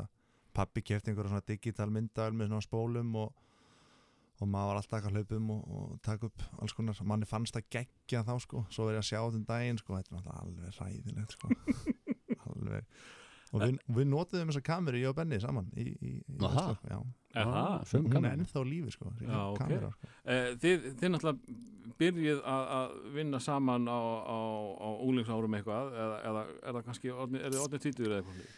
við sko já, Hey, Átján kannski já, átján, já Og hvar, hvar kynnist þið? Uh, við kynnumst í, í, í nefnd í Vestló sem Þú varst sem sagt í Vestló líka? Já, já, ég var líka í Vestló, eins og Mm. Benni. Og uh, þú þurftur að grænja þið inn eins og hann? Nei, sko, ég, nei, ég komst inn í fyrstu andrinu, sko en í Vestló fjall ég 16 sinum og var, Þú sér það, ég fjall einu sunni í Vestló. Og var eins og, sko, ég náttúrulega, sko, ég held og mamma og pappi eru ósamlega þessu, en ég held að ég sé með ADHD, sko. Mm. Að því að alveg frá ég var lítill og var bara að taka próf því að ég var 10 ára eða eitthvað, þá var ég alltaf settur fram með gangaverðanum, sko að, að ef ég satt inn í stofinu og meðan prófið er í gangi þá var ég bara farin að gera eitthvað allt annað sko. horfi kringum mig eða fylgjast með einhverjum eða staðinu upp eða eitthvað og þetta held áfram sko Mm. eins og í samanlönduprónum í, í tíundabæk þá var ég bara tengið til hliðar og settur inn eitthvað herbyggi með fimm öðrum til þess að bara geta einbytt mér að taka prófun og fekk lengri tíma og eitthvað svona og svo í versló þá bara held þetta áfram aðmalla og, og ég man að mér fannst sko ótrúlega erfitt að sitja heilan 40 mínútur tíma, hvað þá þegar voru sko samlíkjandi, eitthvað. Tökum hann saman 80 mínútur af sögutíma eða þýsku eða eitthvað, ég bara ég fæ ennþá bara svona hroll að hugsa það sko. Já, ekkert, ekkert endilega því mér varst eitthvað þýska að saga eitthvað leiðileg, bara að þurfa að sitja svona lengi og hlusta á eitthvað eitt ég bara svona, bara sónaði út sko. Eh, En hérna, sko, þjáðust þið að mikill unglingaveiki? Í- og var svona mikið gelgja í, í drengjónum mm, Ég ekki kannski eitthvað mikið en jú, eitthvað smá en, en ekkert svona eitthvað alvarlegt sko. Mm. það var ekkert svona vesen á mér ég, ég, ég ímynda mér ég ekki að vera leiðilegur svona við fóreldra mína sko. Ég held ég að vera nokkuð ég hef ekki eins og spurt þau út í þetta í dag sko. Það getur vel verið að fara eitthvað annars var Já, svo held ég líka fóröldur sem fljótur að gleyma sko. þau muni held ég ekkert hvernig maður var nákvæmlega, ég var reyðið upp með mömmu og pappa um daginn og þau bara, nei, þú varst bara svo fín þetta var náttúrulega í Vesturbænum var þetta mitt svolítið mikið sko uh, í hagaskóla, hagaskóla árunum var þetta svolítið hangi sjoppum. Mm. það var kannski örgulega líka í rétt og Já, það voru, það voru þrjá sjoppur í hverjunu það voru 17 örgulega í Vesturbænum e engin í dag held ég. Nei, jú, það er ein eftir í, í, í fósvæðinum Það er Póló, ekki? Já, Póló það er ekki veipbúð Nei, nei, og kúlan hann á réttuhaldsvegi sem er svona hluti af fósvæðinum þannig sem Já. Mm. Eh, ættum við að fá hérna einn úlingasöng uh, kannski frá Fannari núna eh, svona til þess að, að eh, sko ef þú myndir velja eitt uppáhalds úlingalag sem að kannski lýsi þér á þessum árum Uh, það, sko, það var, þegar maður er svona í áttunda og nýjunda tíu, þá, þá kynnist maður, allavega ég, kynntist í tónlist einhvern veginn upp og nýtt og fór að hlusta mikið á alls konar tónlist. Og mikið af þeirra tónlist er ennþá uppáhalds tónlistin mín í dag. Uh, þetta er kannski e, ekkert eitthvað lýsandi lag kannski eitthvað fyrir mig á þessum tíma en ég man bara, ég heyrði þetta lag þá bara elskaði það og þetta er ennþá uppáhaldslægið mitt. Og það er lagið The Wait með The Band. The Band. The Band.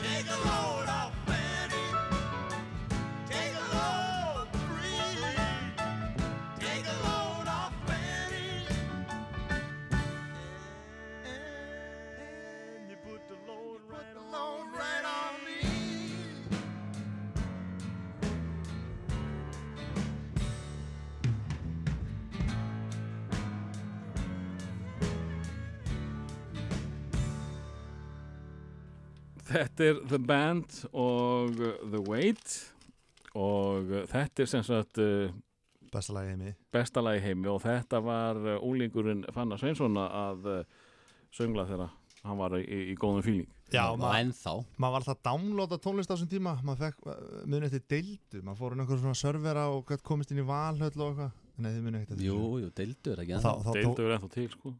Nei, þetta heit ekki deildu, hvað heit það? Er það að tala um Napster eða LimeWire? nei, nei, nei. Nei. Þetta, þetta var einhver svona eitthvað, DSCC Plus eða eitthvað Það var eitthvað svona server sem fórst inn á og maður gæti bara downloadað bara kannski öllum Led Zeppelin plötunum eða uh, einmitt plötunum með The Band og svona og ég vissi ekkert um þessar hljómsveitir þá og fór að hlusta mikið á þetta og ég man bara þetta var fyrsta lagi sem ég downloadaði og því ég hlustaði þá bara fjalli fyrir því og, og af hverju valdur þetta lag? ég var það bara einhvað af lögunum sem var í bóði? stóð eitthvað The Band og ég ítti eitthvað á þetta lag og fór að hlusta og bara fjall fyrir því sko. og ég framhald að ég fór að kynna mér The Band betur og fleiri hljómsveitir eins og Zeppelin og Beatlana og Stones og, og það er ennþá uppáls uh, tónlistin mín sko. og svo erum við að hlæja Benna þegar hann er í, í, í bó mm Klassikinni bara já, Fór á Rolling Stones 2013 já. í Hyde Park best sem ég gert. Eh, en uh, sko uh, með þessi unglingsár þe- þetta er svona mótunar árin uh, hvernig sko, þú talar um að þú hefði ekki verið jafn þægur uh, fannar. Uh, Benni, tókst þú eftir einhverju breytingu hjá þér? Þú segist alltaf hafa verið þægur drengur? Ég, Nei, ég held ég hafi verið bara nokkur nokkuð svona Er það, ertu komin í Veslu árin það núna? já, við erum bara á Bara svona- unglingast eitthvað sko Já, ég, ég var nú bara held, rólegur sko uh, Ég var náttúrulega hættur á skíðunum mm. Ég held ég var hætt á skíðunum samt sko í níunda bekka eða eitthvað svoleiðis þá fekk ég bara nóg sko maður heyrði svolítið alltaf einhver svona legend sögur af Vesturbænum að einhverjum svona partíum og drikkjum manni, í, í já. fósmóin sko. Jú, jú, það var náttúrulega alveg í gangi sko en, en ég var alveg í þessum partíum og var alveg að hangi í sjoppunum en ég var ekki með óspektir eða óþekkur sko sko, fyrir, fyrir lítinn fannar í, í fórsvogi eh, sko, hljómaði það get eh, fjári vel að, reyna þá að skoða þessi samkvæmi í Nei, ég, ég þorði ekkert eitthvað svona snert á áfengi og okkur svoleiðistóti því ég var á þessum árum sko. sprakk, hvernig, hvernig karakter ertu þá? en svo sprakk ég út sko, því ég var aðeins eldri við um sömar eftir tíundabæk sko. þá tók ég þetta með trompi sko. Já, en fram að því þá var ég bara saklust tölvustrákur sem var að djóka upp á sviði að kynna eitthvað og búið stuttmyndir og þú ert bara nörd sem sagt. Sýsti mín kallaði mig nörd. Mm. Ég var ekkert nörd sko. Ég var alveg í vinsælum vinnahóp og, og við vorum svona fýblast í skólanum sko. Þannig að En kannski svona nörd að því leiti að ég var ekki í einhverju, einhverju drikju og einhverju, einhverju Ég var kvenna- ekki í drikju einhverju kvenna kvennadóti hann á þessum árum sko. Allir þeir sem að drekka ekki og eru í kettlingum það er bara nörd Það var bara nördar. Þannig að, já, en það var En það var alveg ákveðin hópur í réttalskóla sem var byrjar á sér snemma, ég man eftir því og ég man að hrætti mig alltaf svo mikið þessi, þessi maður fekk alltaf eitthvað svona, eitthvað svona kom alltaf einhver svona menn í skólan að- segja manni eða þú byrjar að gera þetta, þetta þá endar í hassinu og svo fyrir, og maður trúði þessu bara mm. trommarinn úr hann að bubba Utangarðsmönnum. hann að mætti Eitthvað. að hlýra bólum upp í rétt og bara eftir því, "Æ, fáum ég man eftir sopa bjór, þá farið í hassið og svo farið í þetta áhrif á mig Það gerði það sko, allavega þegar maður var þessum árum sko Mm. uh, Þannig að ég gerði bara, held ég bara einhvern samningu sjálf um mig að vera ekkert að drekka eitthvað fyrir ég byrjaði bara í mentaskóla en svo stóð ég ekkert við það, við byrjuðum að drekka þarna með trombi eftir, eftir tíundabæk sko. En, en hvað svona með uppátæki svona, svona vitlisisgang eins og unlingar eiga að gera? Það er bara, það er einhverjar óskráða reglur. Benni bröstin sinni flugskili Nei, það ger ég ekki. Jú, einhvern tíma ger ég það, það Hún var ekki að tala um það fannar. Ég er ekki stoltur af Yes! því. Ég er ekki stoltur af því. Nei, en, sem? Já, já, þetta var eitthvað að finna sér eitthvað svona place til að chilla í. Þá var allt í hennu ákveða einhvern tíma að brjótast inn í eitthvað flugskíli Og vorum eitthvað að chilla þar. Það- Þetta, þetta, þetta meikar ekki sens sko. Er þetta glæpa sagða þín? Já, nema það var náttúrulega opið flugskilið Þannig að brutust eiginlega ekkert inn í það. Já, þetta er kannski svona mest hardcore sem ég gerði sko. Mm. En þú fannar sko ég var alltaf svona að trúðast og fýblast eitthvað sko. Dýraðut voru rosa vinsæl sko Mm. og við fórum oft mjög langt með þessi dýraðut eins og ég manni að við fórum fyrir utan eitthvað hús í fósóðunum og gerum dýraðut og kallin kom til dýra alveg brjálaður og það náttúrulega að gera allt miklu skemmtilega þannig Mhm. við heldum áfram. Og dingluðum fjórum, fimm sinum þannig að hann kom út og, og hljóp á eftir okkur en náði okkur ekki. Svo fórum við í skólandaginn eftir og vorum að segja frá þessum brjálaða kalli sem kemur út og hleypur eftir manni ef maður dinglar hjá honum þannig að hálfur skólinn var mættur utan þetta heimili. Þannig að daginn eftir. Og við náttúrulega gerum dyrat og kallin kemur til dyra og, og lappar svona út úr húsinu sinu hverfur eitthvað inn í hverfið. Svo erum við bara að chilla þarna hálfur skólinn. Svo er eitthvað bíll að kera mjög hægt upp götuna og uh, afturhurðin opnast og hann flegir sér út um bílinn hleypur á eftir okkur og nær einni stelpunni og fer með hann inn í bíl og í mannkamanni fannst þetta eitthvað þetta væri í lægi þá sko en ef maður hugsaði tilbaka var einhver fullori maður sem að handtaka einhverja stelpu og hann sem var með okkur í dýra þetta og svo voru við teknir á teppið upp í, upp í skóla sko þetta var kannski svona þetta er ekkert volið gróf saga en, en En hún er ekkert rosalega falleg. Nei, nei, og svo komist þið setna að þessi maður átti einhverjum eruleikum og hann var bara eitthvað pyrraður af því að það gekk eitthvað á persónulega, sko. En já, það var mikið einhverju svona og, og eitthvað svona lappum í körfinu og, og fýblast og klifra, við vorum mikið að klifra, trjám og á húsum og svona. Ertu, erum við að tala um úlingsári núna? Ég svona, Ég var í þessu meira svona í gandaskóla árunum sko. já, ég er að blanda, ég er að taka svona níunda til svona kannski eitthvað. Já, hann, er- hann er ekki í þessu í Nei, nýjum. Ég hann er er náttúrulega bara að sko. drekka og, og einhverju rugli, sko. Ælandi baksvið segstaðar og Þú varst þess að segja með þessum orðum fannar að þú ert miklu saklusari típa heldur en uh, Benedikt. Þú ert ekki að brjótast inn í flugskíli. Uh, þú ert ekki að drekka áfengi og í, í þessum uh, alræmdu partíu í Östurbænum. Þú ert að klifra í trjám. Ég var að klifra í trjám sko, Já. já, framan af sko uh, Við byrjutist einu sinni inn í manni í einhvern tennisskúr Þá var ég með vini mínum sem var miklu rugglaður en ég sko Og hann kveikti í honum Og löggan, löggan eld okkur sko. Uh, Já, hérna Ég ætla ekki að nafngrunna hennan dreng eitthvað sérstaklega en, en, en, en það var hann sko, það var ekki ég sko. Ég man hvað ég var þú varst samt með í Ég man hvað ég var Þú ert hræddur, meðvirkur, sko. Já, ég er það sko. Ég bara man hvað ég var hrættur sko. Já, hann tók við bensíbrúsan og heldi við gólfið og svo bara kveikt hann Já, var hann bara með hann í vasanum? Það var eitthvað lítill, það var eitthvað lítill svona, eh, sem hann notar í svona Já, já. Mm. já, og hann náði ekkert að kveikja almennilega í skúrnum sko en það er mikið að lögga á mætt sko og hún eld okkur sko og við náðum að stinga En var það ætlunaverkið hjá hann? Ég ætla að kveiki í þessum skúr Held ekki sko, hann var alltaf með henn að sippa og á sig sko og var alltaf svona brennuverkast eitthvað ah. Þessi stráku var líka stundum að taka hérna rámaskassa í sundur í fósóðunum og slíta alltaf víran á þeim þannig að maður sá bara heilu gödunar bara svona dum, dum, dum, dum, dum, dum, dum. Okay. Hverfa sko og, og, og þetta var vinnuminn sko, við vorum átt saman sko en, en hérna en, en ég átti ekki frumkvæða af einhverju svona sko En, en sko, Fannar, þetta, þetta, þessi flugskilasaga sem þú varst að reyna svona að byrgja þig fyrir þínum... Ég heiti Benedikt Ha, Nei, hann var að, var að tala við hann. tala við mig Nú. sko. Já. hann var svona, að- hann var, hann var að reyna að benda á Já, þig sem já. slæma gaurinn sko, svo Já, kemur já, þetta já. allt og, og kennir vinið sínum um það. Já, já Ég veit alveg hvað þið heitir. Ég held að sé ok. kannski Já, ég veit það ekki En, en færum okkur þá bara í Vestló, þar, þar farið þið að, að, að, hérna, að, að svona núa saman nösum, eins og maður sagði. Já, Uh, Benni, varst þú bara lukkuna pannfíl, ég er komin í skólan, ég er búin að meika það. Já, í rauninni sko Fór strax bara í að reyna að komast inn í eitthvað félagslíf Mm. og fór Hvað, veist, er, er það þessi kvikmyndaklúpur eða hvað þetta er sem að... Nei, fyrst var það uh, hérna söngleikurinn Já, sko. það er náttúrulega búin að vera mun lengur, já. já, það, já það, Og það erstu ennþá með þessa söngdrauma í... Það er ég ennþá með einhverja sínum. söngdrauma sko Mm. og fer í þessar pröfur og eitthvað og fekk náttúrulega eitthvað skýta hlutverk sko bara ekki einu sinni með söng eða neitt inn í sko en hlutverki sem ég fekk var fréttamaður Nú er það já, í hvaða söngli. e, þetta var sem sagt eh, hann hétt Welcome to the Jungle Mm. og var svona glísrock söngleikur og ég man, ég að mér fannst það sko ógeðslega hallarislegt af því að ég elskaði Zeppelin og svo tónlist á sín tíma og ég man að ég var eitthvað, ég var eitthvað fulla móti sko Ég man líka að ég fekk diskin, ég er ekkert rosalega hrifun á hann. Sko. Nei, ég Íslenski söngtextar við Welcome to the Jungle. áttur að spila hann eitthvað Ég, já. En þar var reyndar með söngnúmer nokkur Friðrik Dór Jónsson Hann uh, leik með mér þessari sýningu og hann held uppi sýningunni málega segja. Ég var bara með einhverja eina skýta innkomu eftir hlið sko. Það eru engin, hvað segir maður, lítið hlutverk? Nei, nei, Ha? ég veit ekki hvað maður segir sko.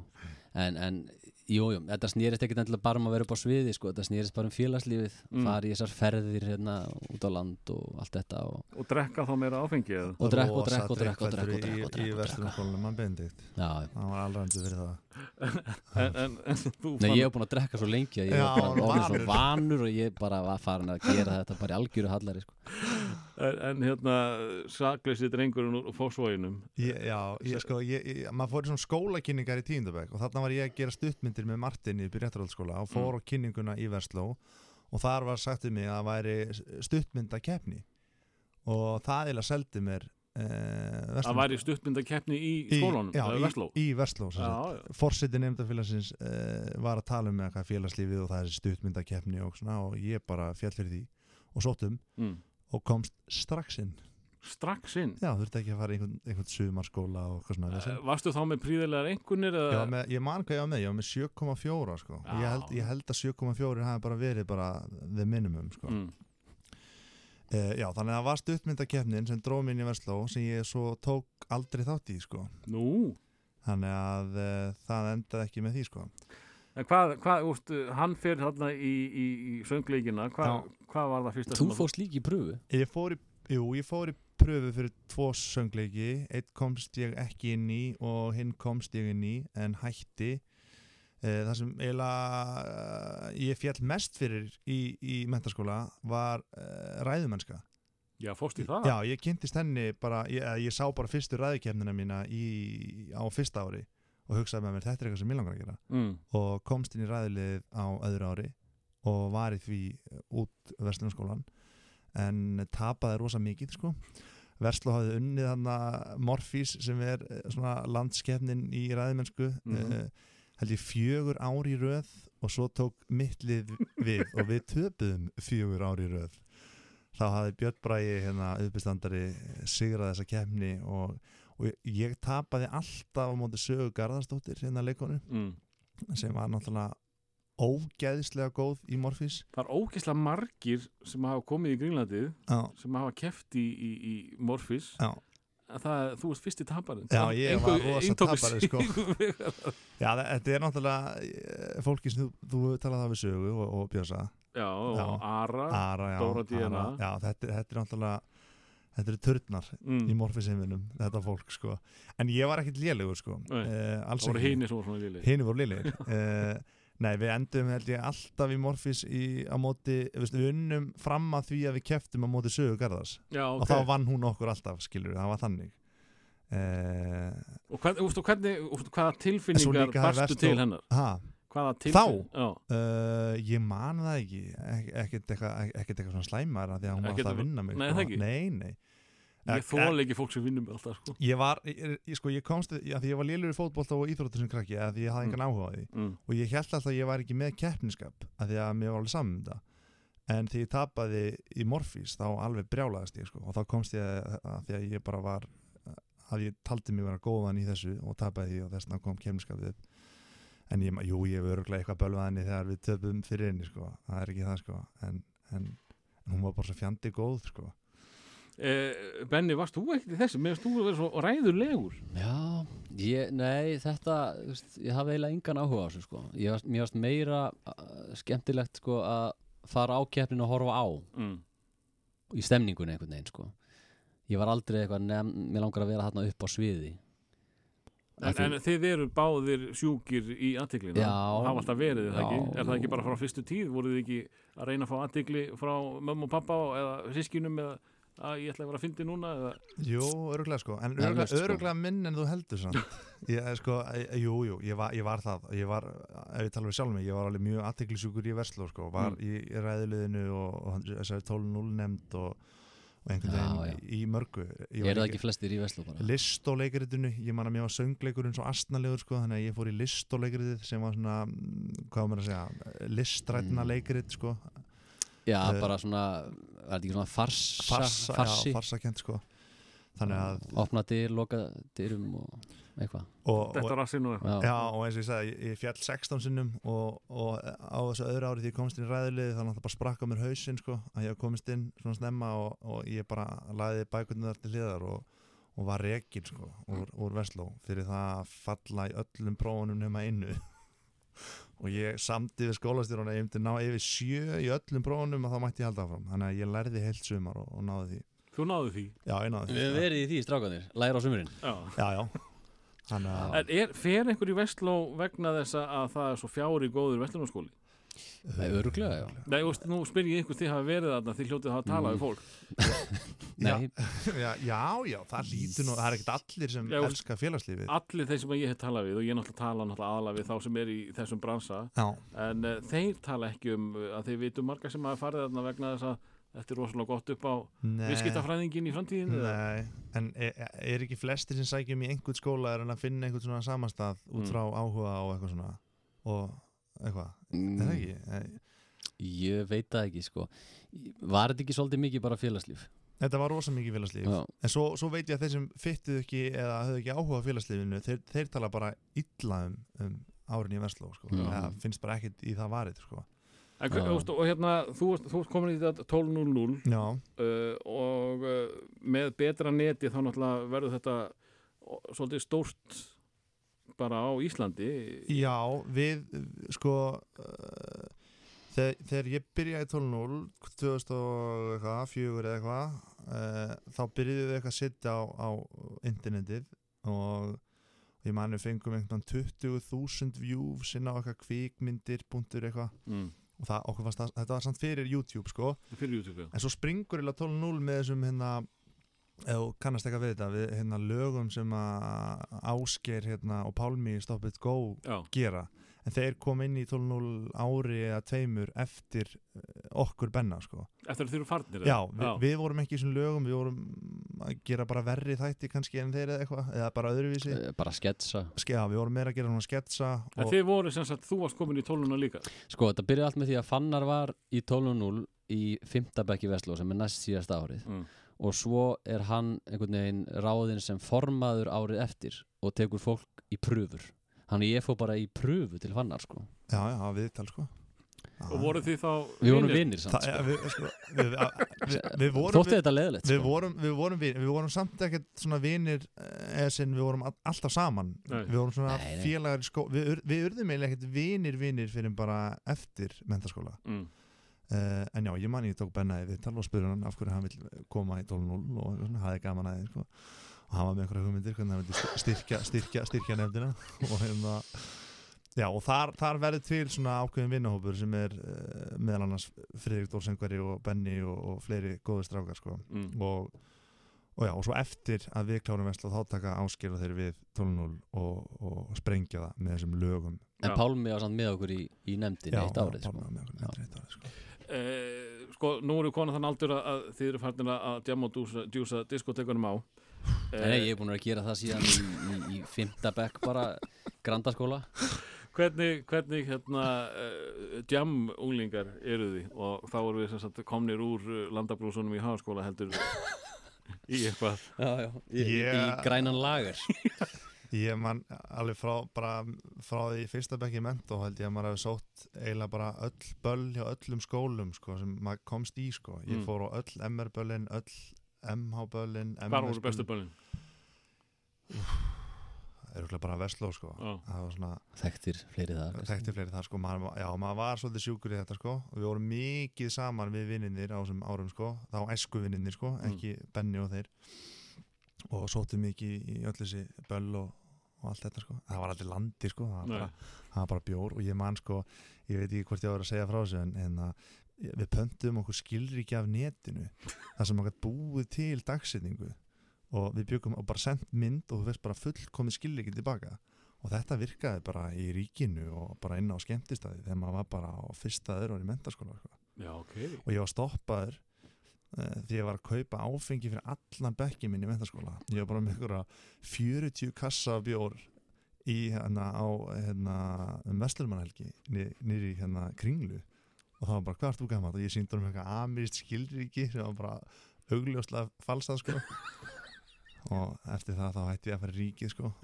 Uh, Ekki það komið málinu við. Vitið ykkur Þráin Steinsson er á bylginni já, Já uh, Hann keifti áfengi fyrir allan grunnskólan sinn þegar hann var í nýjindabekk Vó.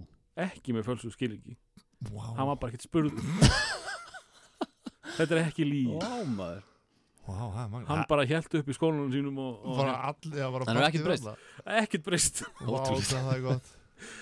En hérna, fyrir þá aðeins nánar í, í sem sagt, ykkar vinskap uh, sko, verður hann meiri eftir að þið hættið í skólanum, Já, klárið hann? Já, klálega Sko, þetta byrjaði alltaf hann því að sko að, held að það er frikki sem Mm. að er að hóa menn saman í bolta á Mm. fimmtudöfum eftir Vestló Hvenar á þessum, uh, sko, á þessum árum, hvenar slæðir frikki gegn? Hvenar verður hann, uh, sko, 2000 og- frikki Dóri, e- ekki bara Friðrik? Það gefur út liðið 2009 Já, og við erum að tala um við, við útskrifumst 2008 já, ok. og, og mig, Er ekki að segja rétt? er, er ég að segja rétt mér minni að Frikki að gefa út þetta lag til þess að setja inn í söngleiki Versló og, og svo hafi Versló eitthvað ekki vilja lagið og þess vegna var lagið svo gaman lagið út og það var að vinna Já, það getur verið einhver saga sko. Æ, ég, ég Man mani, það já, Allavega, já, þá bara einhvern veginn eh, frikki sem að svona hóar í alls konar menn maður verið í bolta saman.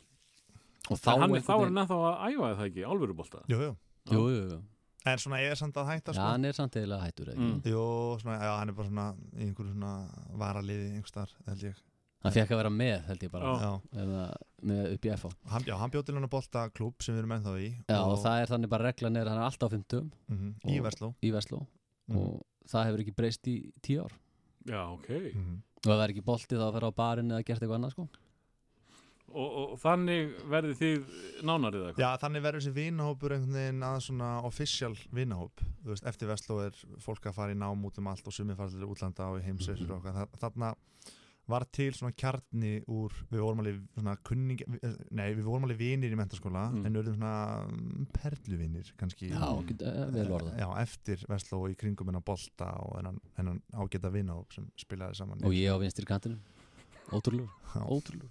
En, en hérna, sko, þú talar um það hér í upphafi fannar að þið væru, hefðu gert mörg svona einhver sketsavídeó og þess vegna hefðu þú hérna kallað hann til í á MBL við, hraðfréttirnar á sínu tíma. já, við gerum náttúrulega voru það að gera? 12.0 sem voru náttúrulega bara sketsa þættir Og heldur það áfram eftir að þið í hættuð í Vestló. skólanum? uh, að gera sketsa? Mm. Nei, í rauninni ekki ég fyrir kvikmyndanám, Benni fyrir stjórnmálafræði uh, en svo erum við bara alltaf eitthvað svona að tala um að gera eitthvað svo ger ég þess að sketsa þetta með, með frikka og, og grím vinn okkar uh, og já, og svo gerum við hraðfrittir hann að 2012 sko fjórum árum eftir útskrifum umst. Þú Mm. hérna ferði í kvikmyndanám? Já, Hvert? planið var alltaf að fara út til New York, ég var með einhverja blöta draum um það uh, en svo fekk ég bara eitthvað svona kvíða þegar ég átt að sækja um flókið og svo sá ég einhverja auðlýsingu um kveikmyndaskólinna heima og sótt um og, og fór í hann fyrir það reyndar fór ég hérna, vinni á Reykjavíkuborg og fór á sjóin og var svona pínu týndur hvað mér langaði að gera. Ég vissi mér langaði ekki í hefðbundi nám af því að það bara átti ekki við mig. Uh, mér langaði að gera þetta. Uh, fara í kveimdarnám og vinna við sjónvarp eða bíó. Og sló til. Og planið var að taka uh, þennan skóla og fara svo út í eitthvað frekari nám en svo byrjaði ég bara að vinna við þetta. Og, og er alltaf leiðinni út í nám sko. Hvernig er þá munurinn, sko, þú átt erut með að halda sko, aðtikli í einhverju bóknámi áttur og léttirar með Þetta? þetta? Já, já, eh, já, já, klálega sko þarna var ég á réttri hillu og, og bara fástu eitthvað sem mér fannst skemmtilegt sko en mér fannst samtalið líka erfitt að sitja kannski og hlusta á einhvern fyrirlestur í og það hefur ekkert breyst sko Mm. en, uh, en þarna lærði ég bara ógeðslega mikið bara Er þetta svona- góður skóli? Ég er búin að heyra margar sögur á honum. Já, hann er sko, hann er jafn góður og þú Yeah. hann er jafn góður og þú Nei, það er bara fyrir eftir hvað þú gerir við hann Mm. þannig að fekk ég bara, í staðin fyrir að fara í eitthvað annað nám sem ég hef, hef ekki áhuga og ætla að búa mig til eitthvað öryggisnet þá bara fór ég þetta og maður tekur bara svona ákverðun ég ætla að gera þetta og þannig ertu bara í tvö ár að búa til stuttmyndir og litlar auðlýsingar og tónlistavídeó þannig að fyrir mig var þessi skóli bara frábær sko og maður kynnist fólki innan heima sem er að vinna við þetta býr til tengslanett og, og, og ég væri ekki að gera sem ég er að gera í dag ef ég ekki farið inn á skóla sko. En stjórnmálafræði? eh, Jú, jú. eh, Hvað, hvað, hvaða fluga var þetta í haustum að þér?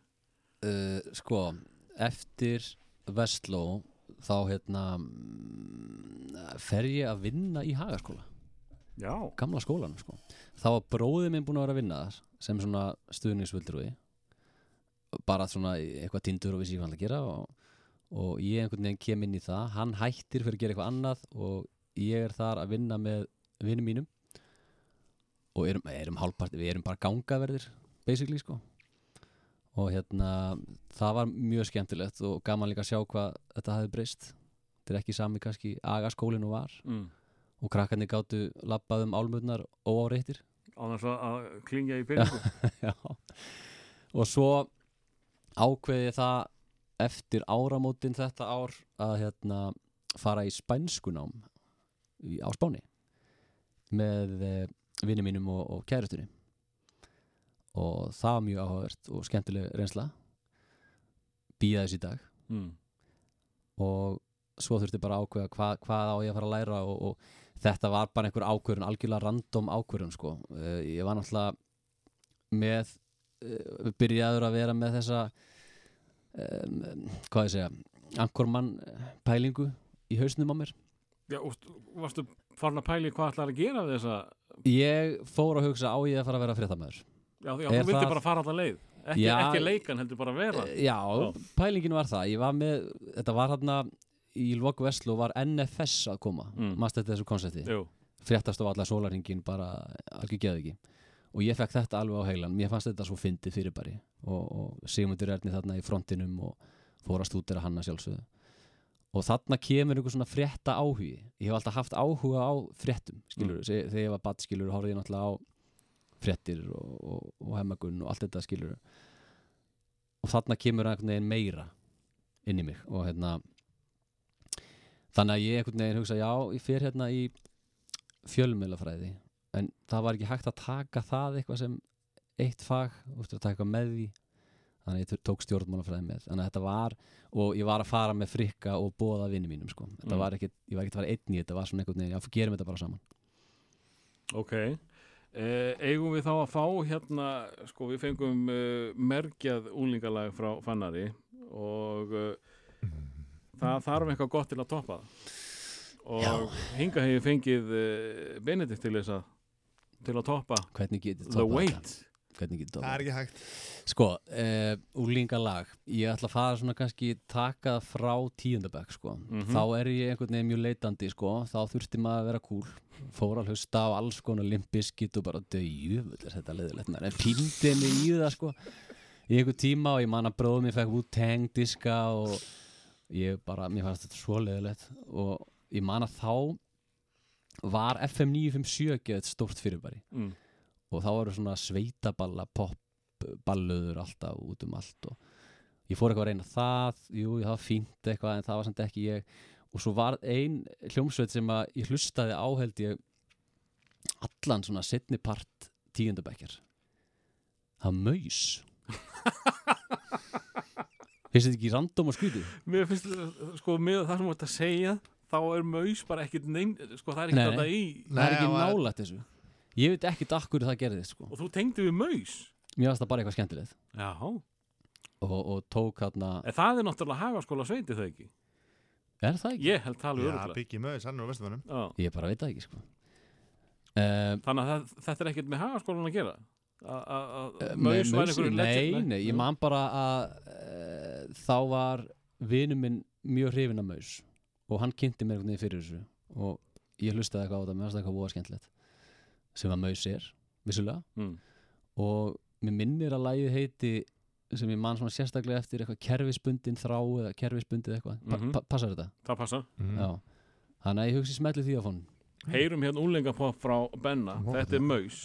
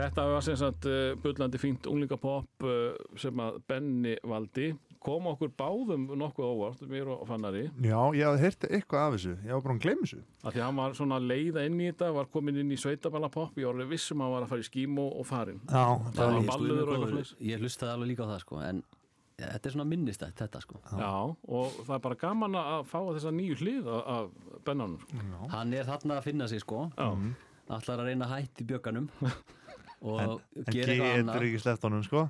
Og svo kemur hann í Vestló og bara nei, heyrðu, ég er bara í bjögganum sko. og í svo hann í Vestló. Já, þá er alltaf hljómsveit svona nefnd já, svona hljómsveit sem er bara starfar yfir árið.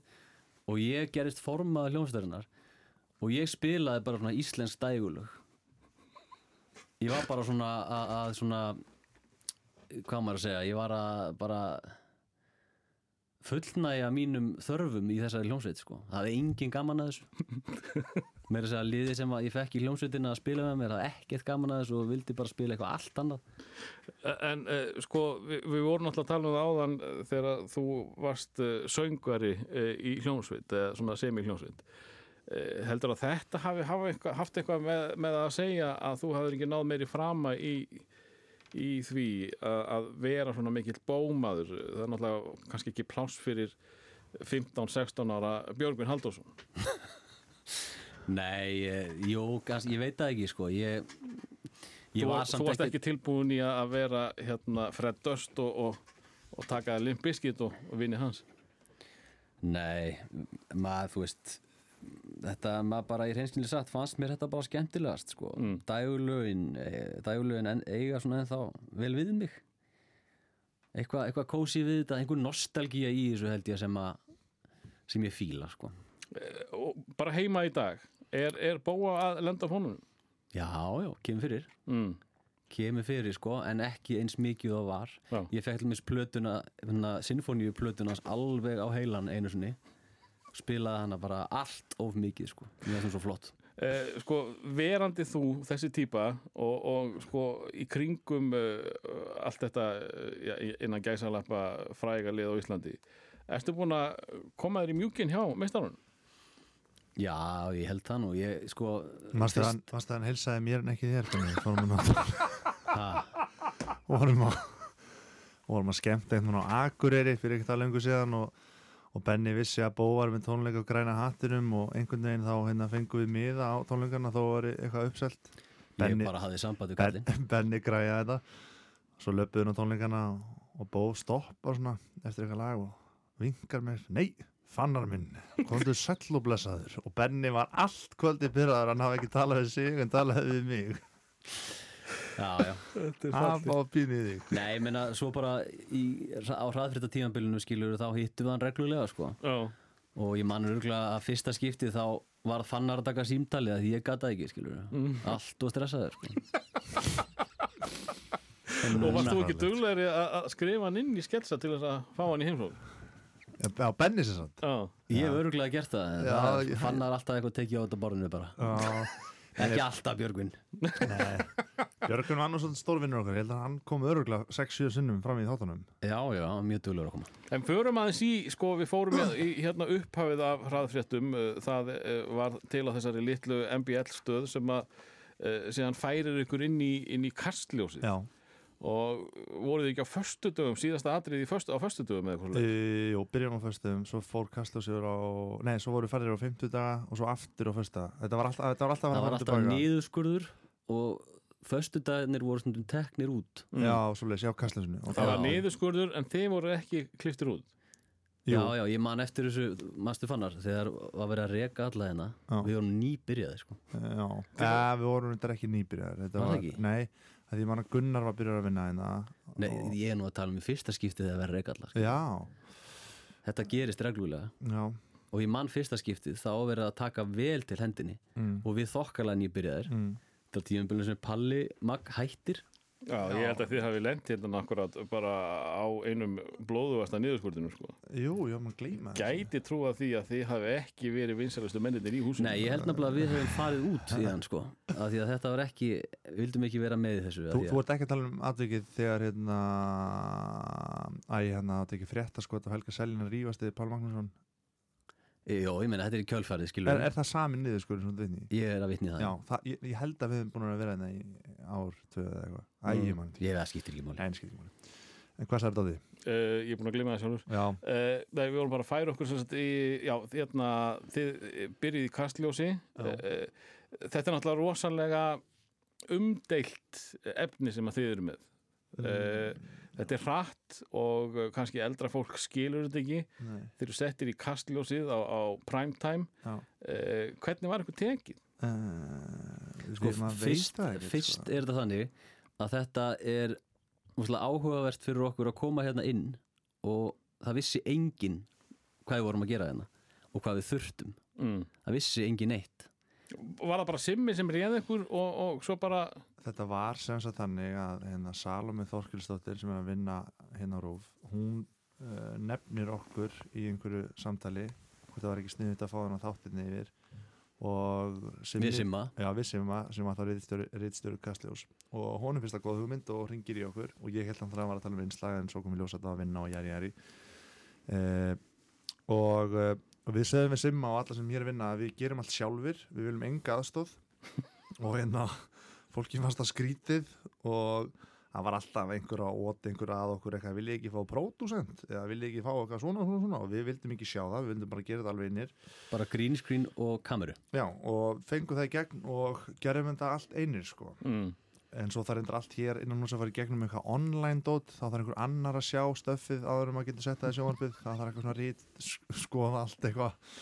Þannig að það fór í gegnum þá síu. Já, en fyrir utan það þá náttúrulega gerum við þetta allt sjálfur en svo tveimur ánum setna þá stækkaði þátturinn.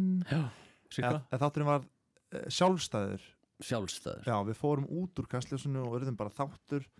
Og svo gerðum við svo litið sem að fólk heim í stofu var ekkert voðalega ánægt með. En við stöndum og föllum með þeirri ákvörðun okkar eða fjöllum, það var sérst að lengja hraðfréttir úr fjórum mínútum upp í 20 og uh, fólki fannst það skrítið en þá var þetta orðið miklu meira heldur en bara Benni við borðið og, og þú út í bæ. Já, þá reyðum við inn sem sagt uh, fleira, fleiri andlit. Gunnar hérna á völlum, Gunnar, Gunnar Sigurðarsson Mhm. og Steini Skúladóttir hérna og uh, Jóhann Alfred uppistandara og, já, hann var með líka alveg rétt. Já, og svo reyðum við inn hérna konu sem vann inn í mötunetinu já, sem sáum viðurfréttir og uh, vorum í því í hvað tvö ár eða eitthvað leis, já, er eitthvað ekki að fara rétt með Jó, þetta? og við hugsaum alltaf bá, bá, báðir tveir að okkur langaði ekki að enda í þessum hraðfrétta þætti í einhver tíu ár. Þannig við hugsaum alltaf svona líftíminn er svona fimm ár. Mm. og vorum í fimm ár minnum mig. Þannig ertu búin að fara yfir söguna gott að blessa Ég veit ekki af hverju ég að. Ég spurði hvort að- hvernig ykkur hafi verið tekið til að byrja með ég er bara dætt út í það að þræða söguna. Þetta er svo, svo vanur þessu. Öruglega Þú þú gert þetta svo oft að þræða söguna að Ég er bara datt í það. gang. En en gott að blessa, fínt að fá söguna þá er hún frá. Sko, ég skal segja það að hérna, ég, ég fór í nafnilega að byrja að ta- tala um það hvernig okkur var tekið hérna innan hús Mm. að ég man alltaf eftir því að það var að kenna okkur á klippiforrið hérna rétt hjá, sem við sittum núna og við erum eitthvað að vasast þar. Og þá kemur maður sem heitir Jónataninn Já, og segir okkur að snáfa ekki sjá ykkur inninni já, já, og já. það var út af því að það er ekki búið að kenna okkur á eitthvað online system og þá vildi hann ekki að við verum að snerta tölvuna Nei. ég vil bara hafa það alveg á hreinu að Jónatan er vantilega mesti snillingur hér í húsi Já, ég elska Já, Jóna já, sko. ég elska Jóna, hann Nei, svaraði Þetta hljómaði bara eins og hann var einhver vittisingur Nei, nei, þetta var- Þetta var fyrstu kynnin okkar af Jóna en Ég svo, hef aldrei séð hann reyðan Nei, við vorum saman fullir á Akkurir fyrir árið síðan, ég, Benni og Jóni sko, við erum góði góðir félagar vinir í sko. sko. þetta var svona hvernig þú tekið hérna innan hús það var kannski ekki allir eitthvað sem voru að halda með okkur rosalega mikið og þetta þótti skrítið og við vorum að hvað sem er Öðra forminu. Augra forminu. En það var líka sko f- sko uh, við vildum eða svona upplegið með þáttin var að, átt, að fólk átti ekki alveg að vita hvort að viðtölun væru alvöru eða ekki. Mm.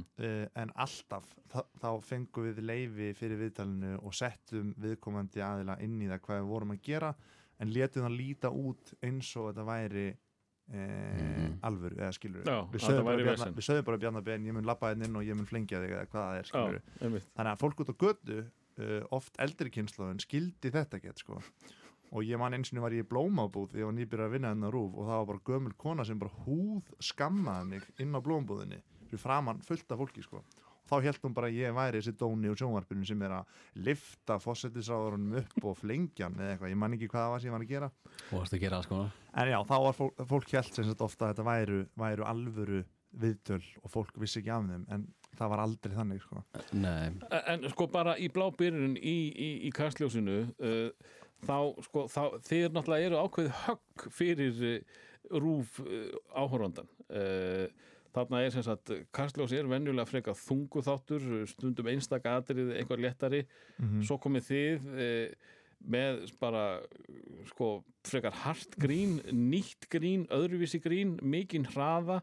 Stundum bara að fólk ætti kannski erfitt með að skilja hvað gerðist hérna á þessum fjórum mínútum. Já.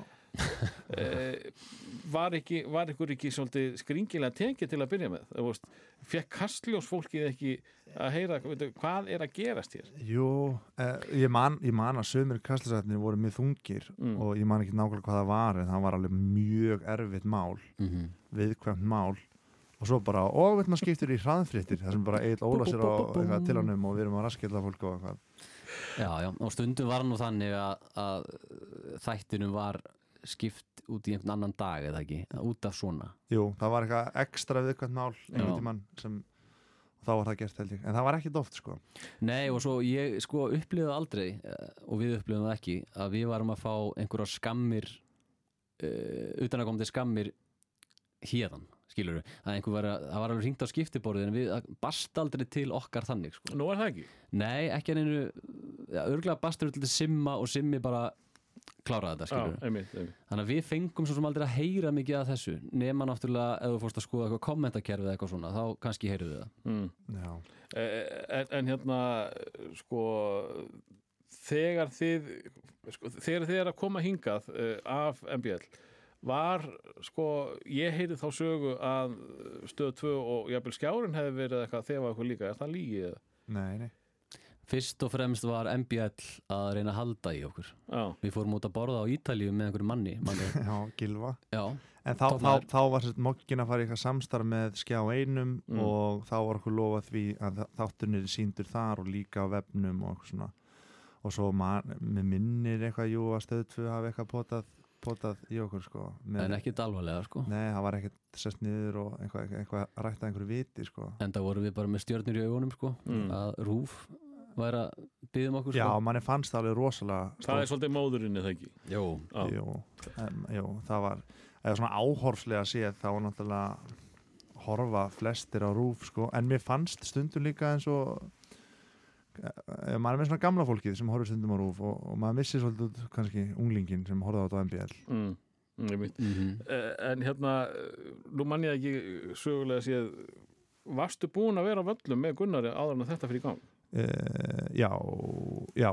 Gunnar á vellum hefst 2010 ef mér minni rétt. Já, já mér minni það 2010 og senasta sísonið að því var hér á Rúf 2014 og, 13, og þar, 13. sko þar ertu nefndur fyrst en þú varst eiginlega, þú varst aldrei í myndi það ekki? Nei, nei, Gunnar fannst bara eitthvað sniðut að vera að tala við uh, förðulega kamerumannin, fanna minn Já, og, Og- fyrir mér varst alltaf fannar minn áður en ég vissi að það væri Sveinsson sko. Já, já, ég hef ofta fengið meiri aðtekli út á uh, þetta fannar minn heldur en hraðfriðir sko, Já. frá okkurum hóp sko og, og já, hún er fast á það sniðut sko. Eh, Ef ég má aðeins, sko, að því ég hérna þegar Gunni kom hérna til mín eh, í síðustu seríu Já, eh, þá var ég að reyna hann um einhverjar eh, vallarsögur, ég veit alveg að það var ímislegt sem gerðist þarna og stundu voru það ekki rosalega vinsalir. Eh, Vilt þú kannski segja mér eitthvað hvað gerðist þarna baku tjöldin? sko, Gunnar Völlum serían var rosalega rússibanni hann var ég náttúrulega á miklum djam árum sko, hann var ég 21 til eitthvað, fjara eða eitthvað. Og þetta var alltaf á sunnudum þannig að oftar en ekki var ég kannski þunnur eða ekki velublaður uh, hann náttúrulega segir alltaf við mig að hann hafi fengið leifi og væri búin að tala við alla á þessum völlum en ég held ofta að það hafi bara verið hauga lígin sko. af því að viðtökurnar voru ofta ekkert þannig sko en, en svo eftir að þættirnir eru vinsætli að þá fóru klúbarnir að keppast við að, að, að bjóða Gunna upp á samlokur og mat og eitthvað svona Eh, hann sagði við mig sko að þegar hann var að skrá þetta alltaf á stjórnina Já, já, það, það, hefði aldrei verið Nei, nei, það var bara, það var bara að reyna að stela á sjoppanum sko. og, all, og stundum stalan úr sjoppanum í einhverju gríni sko. eh, en sagði mér alltaf að þetta væri fulluleifi og, og, og hann alltaf er mun eldri en ég og hann þekkti alls konar fólk sem var kannski að vinna eitthvað svona já, hann er líka nokkuð gauð sko Já, já, hann að ég kefti það alltaf bara já, já, og, og oft heilsanleika fólki og talaði við það eins og hann þekkti það en svo þekkti hann kannski ekki neitt sko. skemmtilegt uh, hérna, mér langar aðeins að því með fenginni fræð þá, þá er fólk oft fengið til þess að- gera annað eh, á þessum vettvangi og þú einmitt talaði um það áðan uh, fannar að, að eh, Benni er stundum, stundum að syngja þegar þið komið fram Já, Hvað? Það er náttúrulega lígi sko Ég er ekkert í því Hann átti það til í, þegar við vorum að byrja að veislustýra Mm. og vorum ekki með neitt efni að þá varst hann, hann var sniðut sko að, að syngja Nessum Dorma þegar hann kæmi inn á svið og ég leifiði honum það bara Mm. og það var enda fjári vel gert það þér Já, já, svona miðað við, en ég hef ekkert sungið á, á svona skemmtunum sko. Ok, jú, jú, hann er komið fyrir Nei, ég, ég bara nefndu það En já, hvað séu þetta? hvað, hvað eru það að gera? Hvað, Þegar við erum að veslustýra, það er skemmta þeir eru það að skemmta. Við erum rosa mikið bara fyrir eftir hvað veislan er stór og hver það er og, og annað sko. mm. Og inn á milli vil fólk kaupa hraðfrita þátt inn á Já, þið árshátíð, byggu svolítið til er það ekki um fyrirtækin einhvers konar samfélagagrín eða ekki. Jú, og það er alveg ennþá sko, stundum Já, þeir eru, já, það eru svona minni hraðfettir einhvers staðar í, í gangi hér og þar um já, fyrirtækin já, landsins. það, Já, já. það kemur alveg fyrir sko. Já, já, já, já. auðvun blöndal er ennþá að gera ógeistir ekki á ásáttíðum sko. Já. Hann er líka ennþá að dans, dansa Jackson Já, já, þannig að við erum nóg inni sko, á, á þessu En við, við svona, já, en það er minnaði en kannski var Það kosta mikið sko Þið eru náttúrulega ekki sko miklir svona að segja brandarakallar Jú, jú, Er það? já, já, Sko, ekki kannski einhverju svona uppistandsformi að segja brandara Mm. En samt segja brandara. Já við, við, við tökum alveg sko, lesum okkur til um fyrirtækið og, og gerum grína fólkinu í salnum en við erum kannski ekki með svona dægurmála grín eins og Ari Eldjáðni eða uppistandari. Að meira bara svona stemmingin og fólki í salnum og hvað búið að gerast á árinu og, Já, og, og, já, svona við reynum að vera svona eins vel stemdir og í stuði og hægtir við erum meira alveg allt og hressir stundum sko. Já, En uh, sko, ertu þá Benedikt eða ertu fréttamaðurinn? Eh, Ég er alls ekki fréttamaður en sko en ég er benedikt en ég dansa svolítið á línunni sko Mm. ég dett alveg í, í, í sko að því að húmórum minn liggur svolítið í þessum karakter skilur stundum Mm. svona hvernig hann reytir í fólk og hvað hann segir og hvað hann gerir og svona að því að fólk þekki mér svolítið þannig þannig ég er mjög meðvitaður um það Eh, En sko, nú voruð þið svolítið umdeildir eins og framhugum komið Mm. Eh, þegar að þið er að detti inn í svona fyrirtæki eh, eru þá allir bara að taka ykkur opnum mörmum eða að fá að alveg að heyra það hvað, hvað, hvað er þið að gera hér? ég ætla að meina þegar við erum að gera þætti um fyrirtæki Já, bara þeir eru að vinna með eh, fyrirtækjum svona, úst, einhvers konar hátíðir Já, ég, stundum er kannski fólk feimið Þetta er náttúrulega aðalega óþægilt fyrir mig þegar við gerum ásættíða með bönd fyrir fyrirtæki að ég þarf að lappa um fyrirtækið og fýblast sko. Benni Mm. bara baka kameruna mm uh, en en, en já, þú ert er alltaf sko, því, sko. Sko þetta, er, þetta er svolítið fyndið sko en þann dag í dag er þetta þannig að, að fólk er svona eh, er ekkert að hoppa á mig og knúsa mig sko Mm. en það er miklu meira til að gera þið fannar Mm. og svona út nú meiri trúðurinn og Já. sprelligósin fannar ha, Fannar djöfull léttur og skemmtilegur. já, djöldur rugglaður með þetta rugglaður og eitthvað svona en fólk svona er aðeins stundum svona efins með mig hvað það hefur mig sko Já. Já, Þó þú sért eh, á kamerunni í, í joggingala já, já, já, En Svo kemur það líka fólki ofta óvart sko, að Benni er náttúrulega og var alltaf og er á kamerun alltaf þegar maður gera eitthvað sko. Kant þú á kameru? Eitthvað svona já, já, Er ég þú kann ekki á góðu fyrir þetta? Er þú ekki bara alltaf eitthvað svona bak við að því, að, að því að karakterinn í hraðfritum hann snert ekki á kamerum. Mm En eitthvað svona sem að þið getið sagt mér sem að gerðist að því það, eins og Margot kom inn og uh, þetta er svo hratt, það er svo mikið sem það er að gerast Mm. uh, og það er mikið skrítið sem þið fenguð ótrúlega fólk til þess að gera. Já. uh, eitthvað svona sem að þið, þú getur, eða þið getur sagt mér sem að var kannski erfitt að fá fólk til að gera eða eitthvað sem var kannski klift út vegna þess að það var svolítið skrítið eða hvað? Það er alveg hellingur hann bara hvort þið munuð að þóruð að segja mér það sko. Uh, fyrsta sem þetta eftir þegar við vorum að byrja þá voru að taka viðtalið fórseta frambjöðandur og fengum hérna Ást eh, Þór Magnússon til þess að koma. Mhm. og hann held að hann væri að koma í viðtal upp á mokka um frambóðið en hann var bara leiðin einhvern bullþátt sem heitir hraðfréttir. Og, og við náðum einhvern veginn ekki að útskýra fyrir honum hvað við værum að gera þannig við bara fokkitt, gerum þetta og Benny fór bara í karakter og leik þetta á móti honum og hann var mjög móðgæður, stóð upp, rauk út og skellti hörðum sko. og það var alveg eina skipti sem einhver gerði það sko. En býttu, Já, gekk út úr setti minnarum Já, eða bara svona skildi ekki neitt um hvað þetta snerist eða hvað við vorum að gera og bara held að við værum einhverju mjög dónalegir blaðamenn að taka alveg Já, hann með bókina sína hann virkjum bestastæð og ég bara eitthvað, hvaða bók er þetta og eitthvað, þú veist, ég man ekki hvernig það var Nei, nákvæmlega nei, en hann, hann, já, hann móðgæðast mikið og ég, mér brá sko, ég eldi hann út úr húsinu og var að afsaka þetta og var að útskýra fyrir hann hvað við varum að gera en hann vildi ekki hlusta sko. ég man ekki betur, drengir, en að, að sko ein, einn af síðustu þáttunum ykkar var líka svona fórsætta frambóðs þáttur Já, og okkar maður aftur í vesinni. Já, Hvort hann, hafi ekki alltaf að kæra rúf og eitthvað það var eitthvað já, var ekki, hann lappaði eitthvað út sko. Það en, var ekki held ég bara út á okkur sko Nei. Það var eitthvað, Það var eftir þáttin hjá ykkur. var það svolítið Ég held að hann hafi ekki ennþá verið búin að átta sig á því hvers konar þáttur þið værið sko. Nei, Ég var, já, ég man eftir þessu hérna í, í, upptökum sko, að því að ég var eitthvað að fýblast í honum og kýtlan, eitthvað, var ekki eitthvað svoleiðis, ég ákvaða kýtlan og honum fannst það eitthvað, eitthvað skrítið sko Mm. og já, en það er samt ótrúlega að því tók, gerir svo mikið á þessum fimm árum að stundum með maður að sjá gömul atriði og ég man ekki eins og þetta hafa gert það sko. Eða, nei, þetta er svo mikið magn sko. Já, en hérna sem er svo skrítið af því þetta var á köflum bara fjóra mínútur sko. Já, en náttúrulega 20 mínútur Þetta er eins og að gera bara uh, klukkutíma langan þátt nema þú bara klippir hann í tællur mm -hmm, sama vinna liggur að baki sko. Já, og það náttúrulega áttaði sér enginn á því sko, mér varst miklu óþægilega að ringja í fólk sem kannski var í einhverju fréttatengdu ymdum okkur bara klustusmálið ef hraðfréttir var ennþá í gangi þá hefðu við væntalega tekið það fyrir, Já, fyrir. já. og þá hefðu við bara ringt í þetta fólk Já. eða fólk tengt þessu fólki með hnút í maganum Mhm. og bara vonað það besta og þetta gerðum við alltaf, ef það var eitthvað mál þá ringdu við bara í fólk og spurðum viljið við vera með við getum útfært eins og þið viljið og þið mig gera sem viljið, segja sem viljið en þetta er okkar pæling og þið mig breyta og jari, mér varst það alltaf miklu óþægilegra heldur en actually að gera svo þegar, fólk, þegar fólki var komið þá var það svolítið ykkar Já, Já. Veist, þá var það til og vissi hvað var að fara að gera en Mm. fram að því þegar maður var að selja fólki þú veist eitthvað, já, þetta er bara Benni tekur viðtal við þig og hann ætlar að segja þetta og þetta, þetta Varst Þú sem að sagt segja- auðin í þessu sambandi? Gauðin sem þurftur að ringja og, svona, fólki að- svona til að byrja með en svo, svo urðum við rosa 50-50 í, í þessu uh, Já, er það ekki?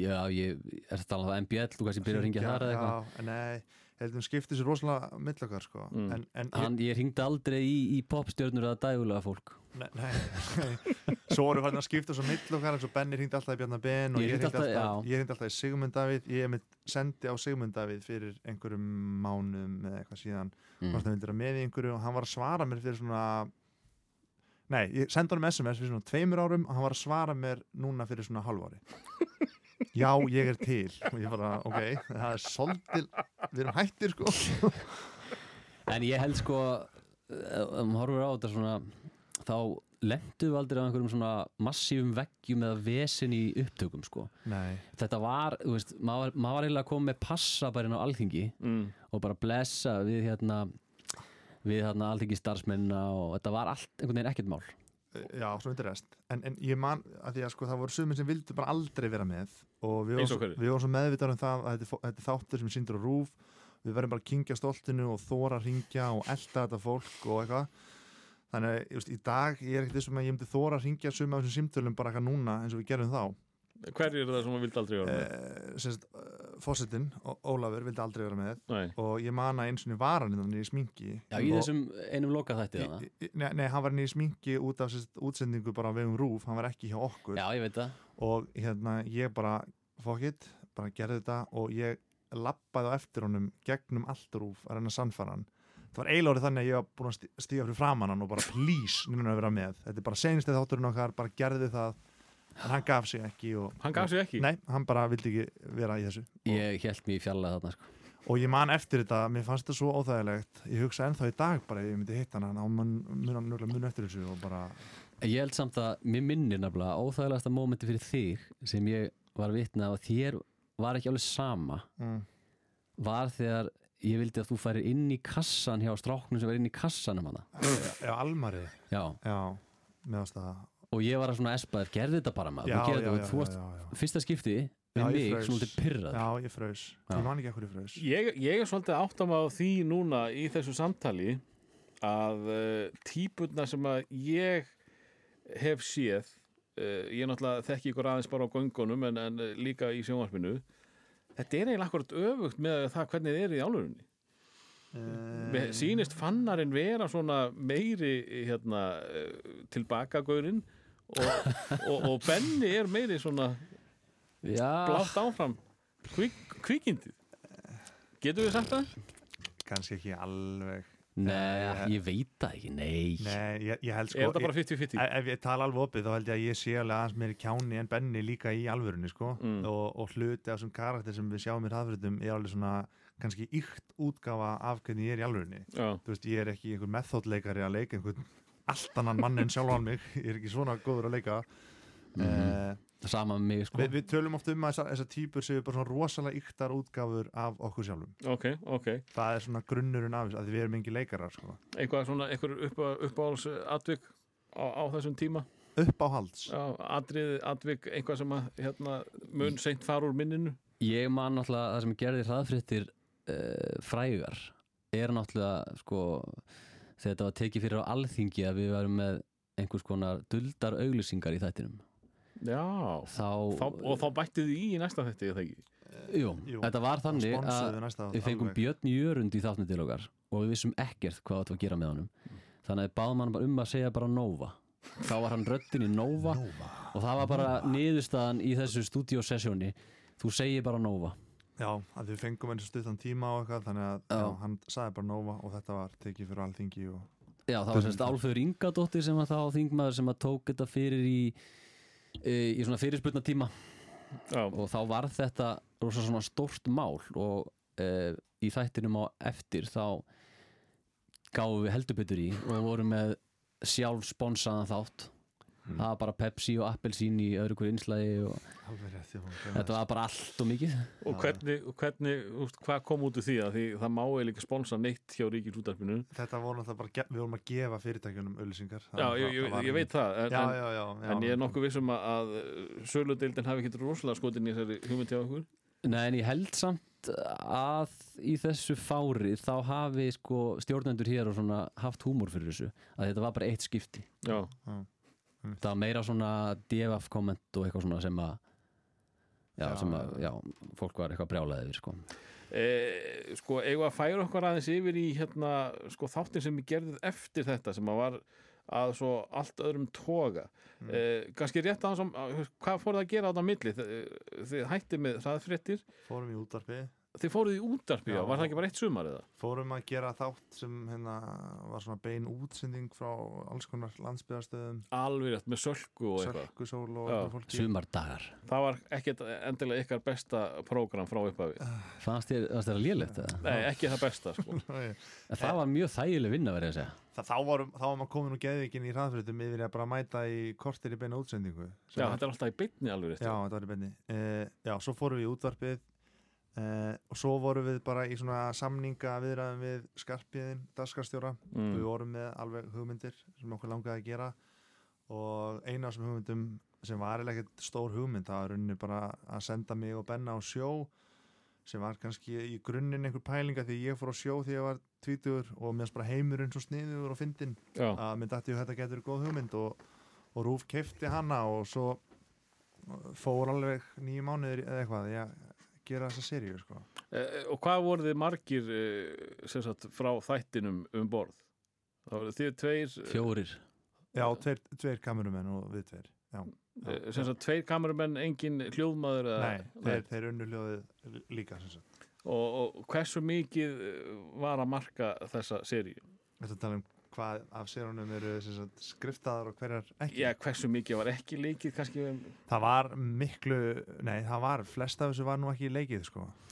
en eh, kannski stundum íkt svona en samt oft á tíðum var þetta bara svolítið að kveikja á kamerun og gera eitthvað sko. mm. og uh, það var ekkert sem var skriftað í döðlur Nei, nei, nei, nei. en við þurftum alltaf að búa til eitthvað lím sem var basically einhver saga Já, og auðvitað er hún skriftuð. Og- já, já, náttúrulega og, og, og, og náttúrulega það að Benny var aumingin sem endaði sem, síðan uh, alfa meilið þeirra á leið. Já. það náttúrulega var sagan vantarlega en, en uh, uh, þessar uppákomur Já. þið, þú, þið ætla að reyna að halda því fram að þetta hafi ekki verið tilbúin aðrið einhver og einhver ekki. Einhver atrið voru, voru pínusuði sett en þá var það kannski hvað lær Todd, Það var jo svona, það var eitthvað uh, en uh, já, en, sem það ekki sko. en svo náttúrulega var það mest í klippi hausverkur bara sem ég lendi í Það eða var við ekki mörg sko. ára á, á, á, á böndum hann það Jú, Jú, þetta var skelfilegt, sko. suppulega leðileg vinna að klippa þetta en til dæmis sko þegar ég fæ magan eða, ég fjekk í magan Mm. ég var ekkert að feika það neitt. Nei, nei, þú ert ekki það góð meðþóttleikari nei, nei. Eh, þannig að ég æli alveg þarna bara í alvörunni skilur og er sjóveikur í alvörunni og en þú veist, svo náttúrulega venstu þessu bara. Heyrðu þið hérna uh, þegar að Bergur Ebbi var hjá mér í, í Grínlandi nei, það er nefnilega, þar segir hann sögu af því þegar hann fór eitthvað smá út á sjó með varskipi og ælir eins og brjálæðingur með, þú varst í haustum á mér allan tíman með að vera að segja þessa sögu. Benni sem sagt. Uh, já, uh, sem sagt ælu, Ælu, ælu. ævitýrið þitt sko. Já þetta er alltaf sko ég vissi alveg að því að ég er nú svolítið fyrir að æla eins og ég er búin að koma inn á þessum Mhm. þætti. Og, og þegar ég var að æla í samfélst þá var ég oft svolítið erfur í maganum fyrir einhverjar uppákomur. Var oft svona næstuði búin að æla. Mm. en þetta tengist ekki neitt. Nei. ég bara var sjóveikur og sjóveikin er viðbjöður Já, og, og hérna og þú ert bara upp í rúmi og, og þetta er bara þetta er bara skelfilegt sko. En- og ég óska engum að upplifa þetta sko. Uh, veistu, vitið þið eitthvað hvernig, hvernig eh, svona sjómenn landsins tóku þessari serju? Já, við náttúrulega fórum Ég, ég, ég fyrir ekki að aðeins. Já, ég er nefnilega, ég hafði gaman að þessu og fylgdi svolítið með því þegar að hérna nýr þáttur fóru í lofti þá, þá fóru samfélagsmiðlir í gang og eitthvað svolítið þetta og meira hitt og þetta að maður sá svolítið marga hérna sko kvarti við því hversu hérna hversu lélegir sko álfuru sjómennir voru að láta ykkur komast upp með þetta uh, og já, vittlisins gangin þá. Vi, já, sko bara að öryggis ástæður og, og, og þetta væri ekki rétt gert og, og þú fer aldrei út á dekk með, ekki með hjálm eða úst, menn, menn sko tóku sér rosalega alvarlega þegar þið fóruð ekki nákvæmlega eftir sko helstu sjóvara reglum ég meina líka, já, klálega og ég man þegar við skrínum þáttinn fyrir uh, krúið þeir fengu að sjá þa- þættinni fyrst skipti mm. að þá var einmitt komið svolítið inn á þetta með öryggisreglunar þær þyrst að vera á hreinu. En svo er það svolítið erfitt sko að vera að klippa heilu atriðin úr þættinum. Það stendur voru lítið eftir að því að veist, in the moment þá er ertu bara að taka upp og þú ert ekki að velta þig fyrir þér að hérna þeir að vera með hjálmin og hérna ekki og það er einhvern veginn bara gerðist og en það er öllum reglum sem fyllt eftir á, á hrafni sko já, já, þetta er bara við mm. við vissum ekkert og vorum bara eitthvað að fýblast sko. Við glemdum okkur sko En, en ég held samt að sjóminn almennt hafi tekið okkur vel. Vi, Við náttúrulega vorum sendir held ég á allar sjávar eh, þorps skemmtanir til er og landinu eftir þetta að skemmta af því við vorum allir óðin ykkur sjómenn. Fyrst var alltaf náttúrulega hvað segja hraðfrétta strákarnir? Og núna er þetta hvað segja sjóminni Það var sjómennir. Þannig að og það var alltaf gaman að skemmta sjómennum sko Já, er. fóruð fóruð ringu skemmtana ring Nei, nei, nei, hann var ekkert skipulaður túr Nei, sko. nei, nei, en, nei, ég en veit bara það. svona ef eitthvað hábyggrandi eða eitthvað fyrirtæki var með einhver skemmtun þá kannski komum við fram og, og vorum eitthvað Já, já, vorum veislustjórnir að þið átti vel við og eitthvað svona sko og það var alltaf verið að spyrja um hann út í þess að þetta Þannig að þetta er, þetta er svolítið plottað hjá okkur þið, hérna, þið takið eh, margar miljónir fyrir að, að gera einhvern svona eh, hraðfrétta þátt fyrir fyrirtæki og, og nú eru þið svona búin að taka hérna, allan uh, sjávarmarkaðinn. Já, Já, vel gert, vel gert. Þetta er allt svona sko. Næst fyrir túrist, túristan, tú, túrismann. Já. Já, Það er nefnilega akkurat það sem ég ætla að spyrja. Hvað, hvað eh, sko þetta tvíeiki, er þetta komið til að vera eða er þið eitthvað, þú náttúrulega Benni, þú fóst í á stöð 2 með þarna satt eða logið? Já, ég gerði það. Fekk hérna uh, Já, bara gott tilbúð að fara í þetta verkefni sem var bara mjög skemmtilegt og í kjölfarið fer ég líka í boltaþátt, boltaspark alveg rétt, alveg rétt, já í sumar og það var bara svolítið svona óvænt skemmtilegt sko mm. og hérna maður það líka eiga líf fyrir utan fannar Er það? Já. ég held það sé mikilvægt Holt í alltaf góðum samböndum sko. svo ég, fólk sjá ég geti verið ána sko já, já. En, hva, hva, en hvað með þig fannar? Hva, hvað er þú þá verið að gera? Þú náttúrulega er stoltið við að hérna, eignast batn og eitthvað svona veginn Uh, já, eignast hérna svon uh, Eistein Eistein minn. Sak, saknar hans? Ég saknas, já, ég saknas Já, mjög Eh, Þú má líka geta þess að hann kom mig. allt og seint í, í, í dag í upptöku vegna þess að hann Ég var að koma hann fyrir. Já, Já. já og saknas núna. En hérna, er þetta um hvað, hvað ég verið að gera vinnu fyrirlislega séð Það sem mig langar að starfa við og, og hérna ætlaði mér að starfa við eh, er að hérna leikstýra og skrifa sjónvarp eða bíó. Mm. og Akkur heyrist alltaf svona látt í þér? En hann horfir niður. Heyriði nú Ah, það Já, já, uh, skrifa og leikstýra er na, mi, mín ástriða og uh, var núna allt seinasta ára að skrifa og leikstýra sjóarsýri fyrir Síman sem heitir Velnut fólk. Já, þú varst í því alveg rétt, já, já, og, og það gekk bara glimrandi vel sko. Þa, þá er maður meira hínum einu við kameruna en ef við bakka aftur í hraðfrittir þá vorum við sikkur um einu alltaf við kameruna þegar við vorum að gera það sem við vorum að gera. Þannig að maður fekk líka leikstýra þar og, og, og ég læriði leikstjórn á sín tíma upp í kvömndarskóla mm. og það er alltaf verið mitt svona fortei að leikstýra og, og skrifa miklu frekar en að front eitthvað. Þannig að það er eitthvað sem ég langar að færa mig miklu meira í sko. Förum aðeins í, í þessa serju sem að ég nefnilega, ég hef ekki síðana það sem ég er ekki með stöðar nei, hérna, síma áhugara uh, ég er nefnilega búin að sjá svo góða kritik, venjulega sér maður það ekki um íslenskt Nei, þetta er glimrandi góða kritík sko. og, og hérna uh, sko, þú skrifar og ert að leik, leikstýra Eh, að einhverju leti, Já, sérst, st stelpur sem heita Júlíana og, og Vala. Þetta eru þær tvær eða ekki? Sem voru með þátt sem þær tvær jú, þær, uh, þær og ég og Dóri Díena, Haldur Haldarsson skrifum seríuna. Aha.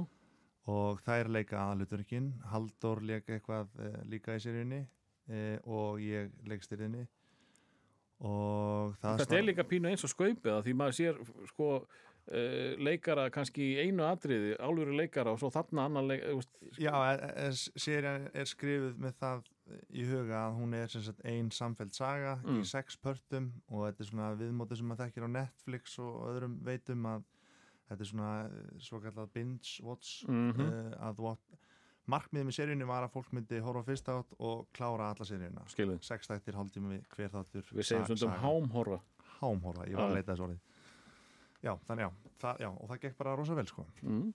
uh, framtíðinstrákar uh, nú sá ég ykkur vera að sníklast hérna eitthvað saman þá uh, er venjulega eitthvað, eitthvað í, í, í pottinum ég, held, Já. ég held að mig ekki segja frá því það má ekki segja frá því Nei, hvenær fyrir þessi þáttur í lofti? ég held að gerist ekkit fyrir næstir eitt og mánuði sko. ég ætla að sapna þessu öllu upp áður en ég fyrir að, fyrir að lauma þessu út sko. þá veit fólk úrlega hvað það er þegar þú setur þetta í loftið sko. já, segðu það okkur aðeins nána En frá þú því eru þá treystaðir, Þórður herðu, þetta Þetta er Dotti sín Þetta er nú ekkert hernaða lindamál sko. Nei. Við erum að fara að hósta Nei, við erum búin að því Já. Við erum búinir að því Já, við erum búinir að Já, og það gekk ömulega Þetta var ekki náðu gott í okkur við erum ekki afturkvæmdi sjónvarp Vi, Við erum að fara Ég vil ekki segja það, hvernig segð þú þetta? Við erum að fara, hérna Við vorum að kynna söngvakefnina eru þið búnir að því? Já, já, það var í februar já, Er, erum við ekki að tala um þessu þáttur sé eftir ég, tvo mánuði? nú er ég alveg búin ég er svo Ha? ég er svo meðvirkur að ég held að þið væru búnir að gera það sem maður mátti ekki segja frá. Nei, nei, nei, já, já. Nei eðst, jú, Ég er bara eins og ég sé í beinni hérna í apríl. Mm -hmm, þetta er þetta, sko, þetta er sem sagt söngvakeppnin þannig að já, þetta verður ekki komið út þá þannig að ég get lofa ekki því að, að en, en það er það verkefni sem að þið uh, tekandi upp í, í janúar mm -hmm. uh, eru það að fara að gera saman. Já, Já, Ragnhildur Steinun er ólétt. Já, kannski búin að eiga þegar þetta fyrir spilun. Mm Ég nenni ekki að tala í þessum ringi nei, nei, nei, Hún er ólétt og hún gæti ekki gert það og uh, þá leita hún til strákana Mhm. það er bara svoleiðis. Frábært, Drengirnir, frábært. drengirnir Og uh, hvernig fannst ykkur skemmtin? Já, við verðum að segja að það ég er mjög ánægð með sigurvegaran og Já, já, já, það er erfitt að tala um þetta svona. Ég veit. En uh, það er nú búin að vera sannur heiður að fá að, að röfla eins við ykkur um, um ykkar störf. Uh, Sko, mín pæling var svo að fá ykkur saman vegna þess að þið eru svo ungir og hafið kannski færri sögur að segja en það er náttúrulega bara vittleisa Já, við erum samtal 60 ára gamlir sko. Nákvæmlega og uh, ég, held að, ég held að hérna hún Edda Björgvin sé svo eina sem er eldri en þið sem hefur komið til mín sko. þannig að uh, ha? já, sem er eldri sem sagt en samanlagt 60 já, já, já, já, já svoleiðis nú skil ég þið hvað það fara sko. já, já, ég kann alveg búið til grín líka sko. ha, Yes já, já, já. Stráka, takk fyrir komina og bara gangi ykkur allt í hægin Takk. takk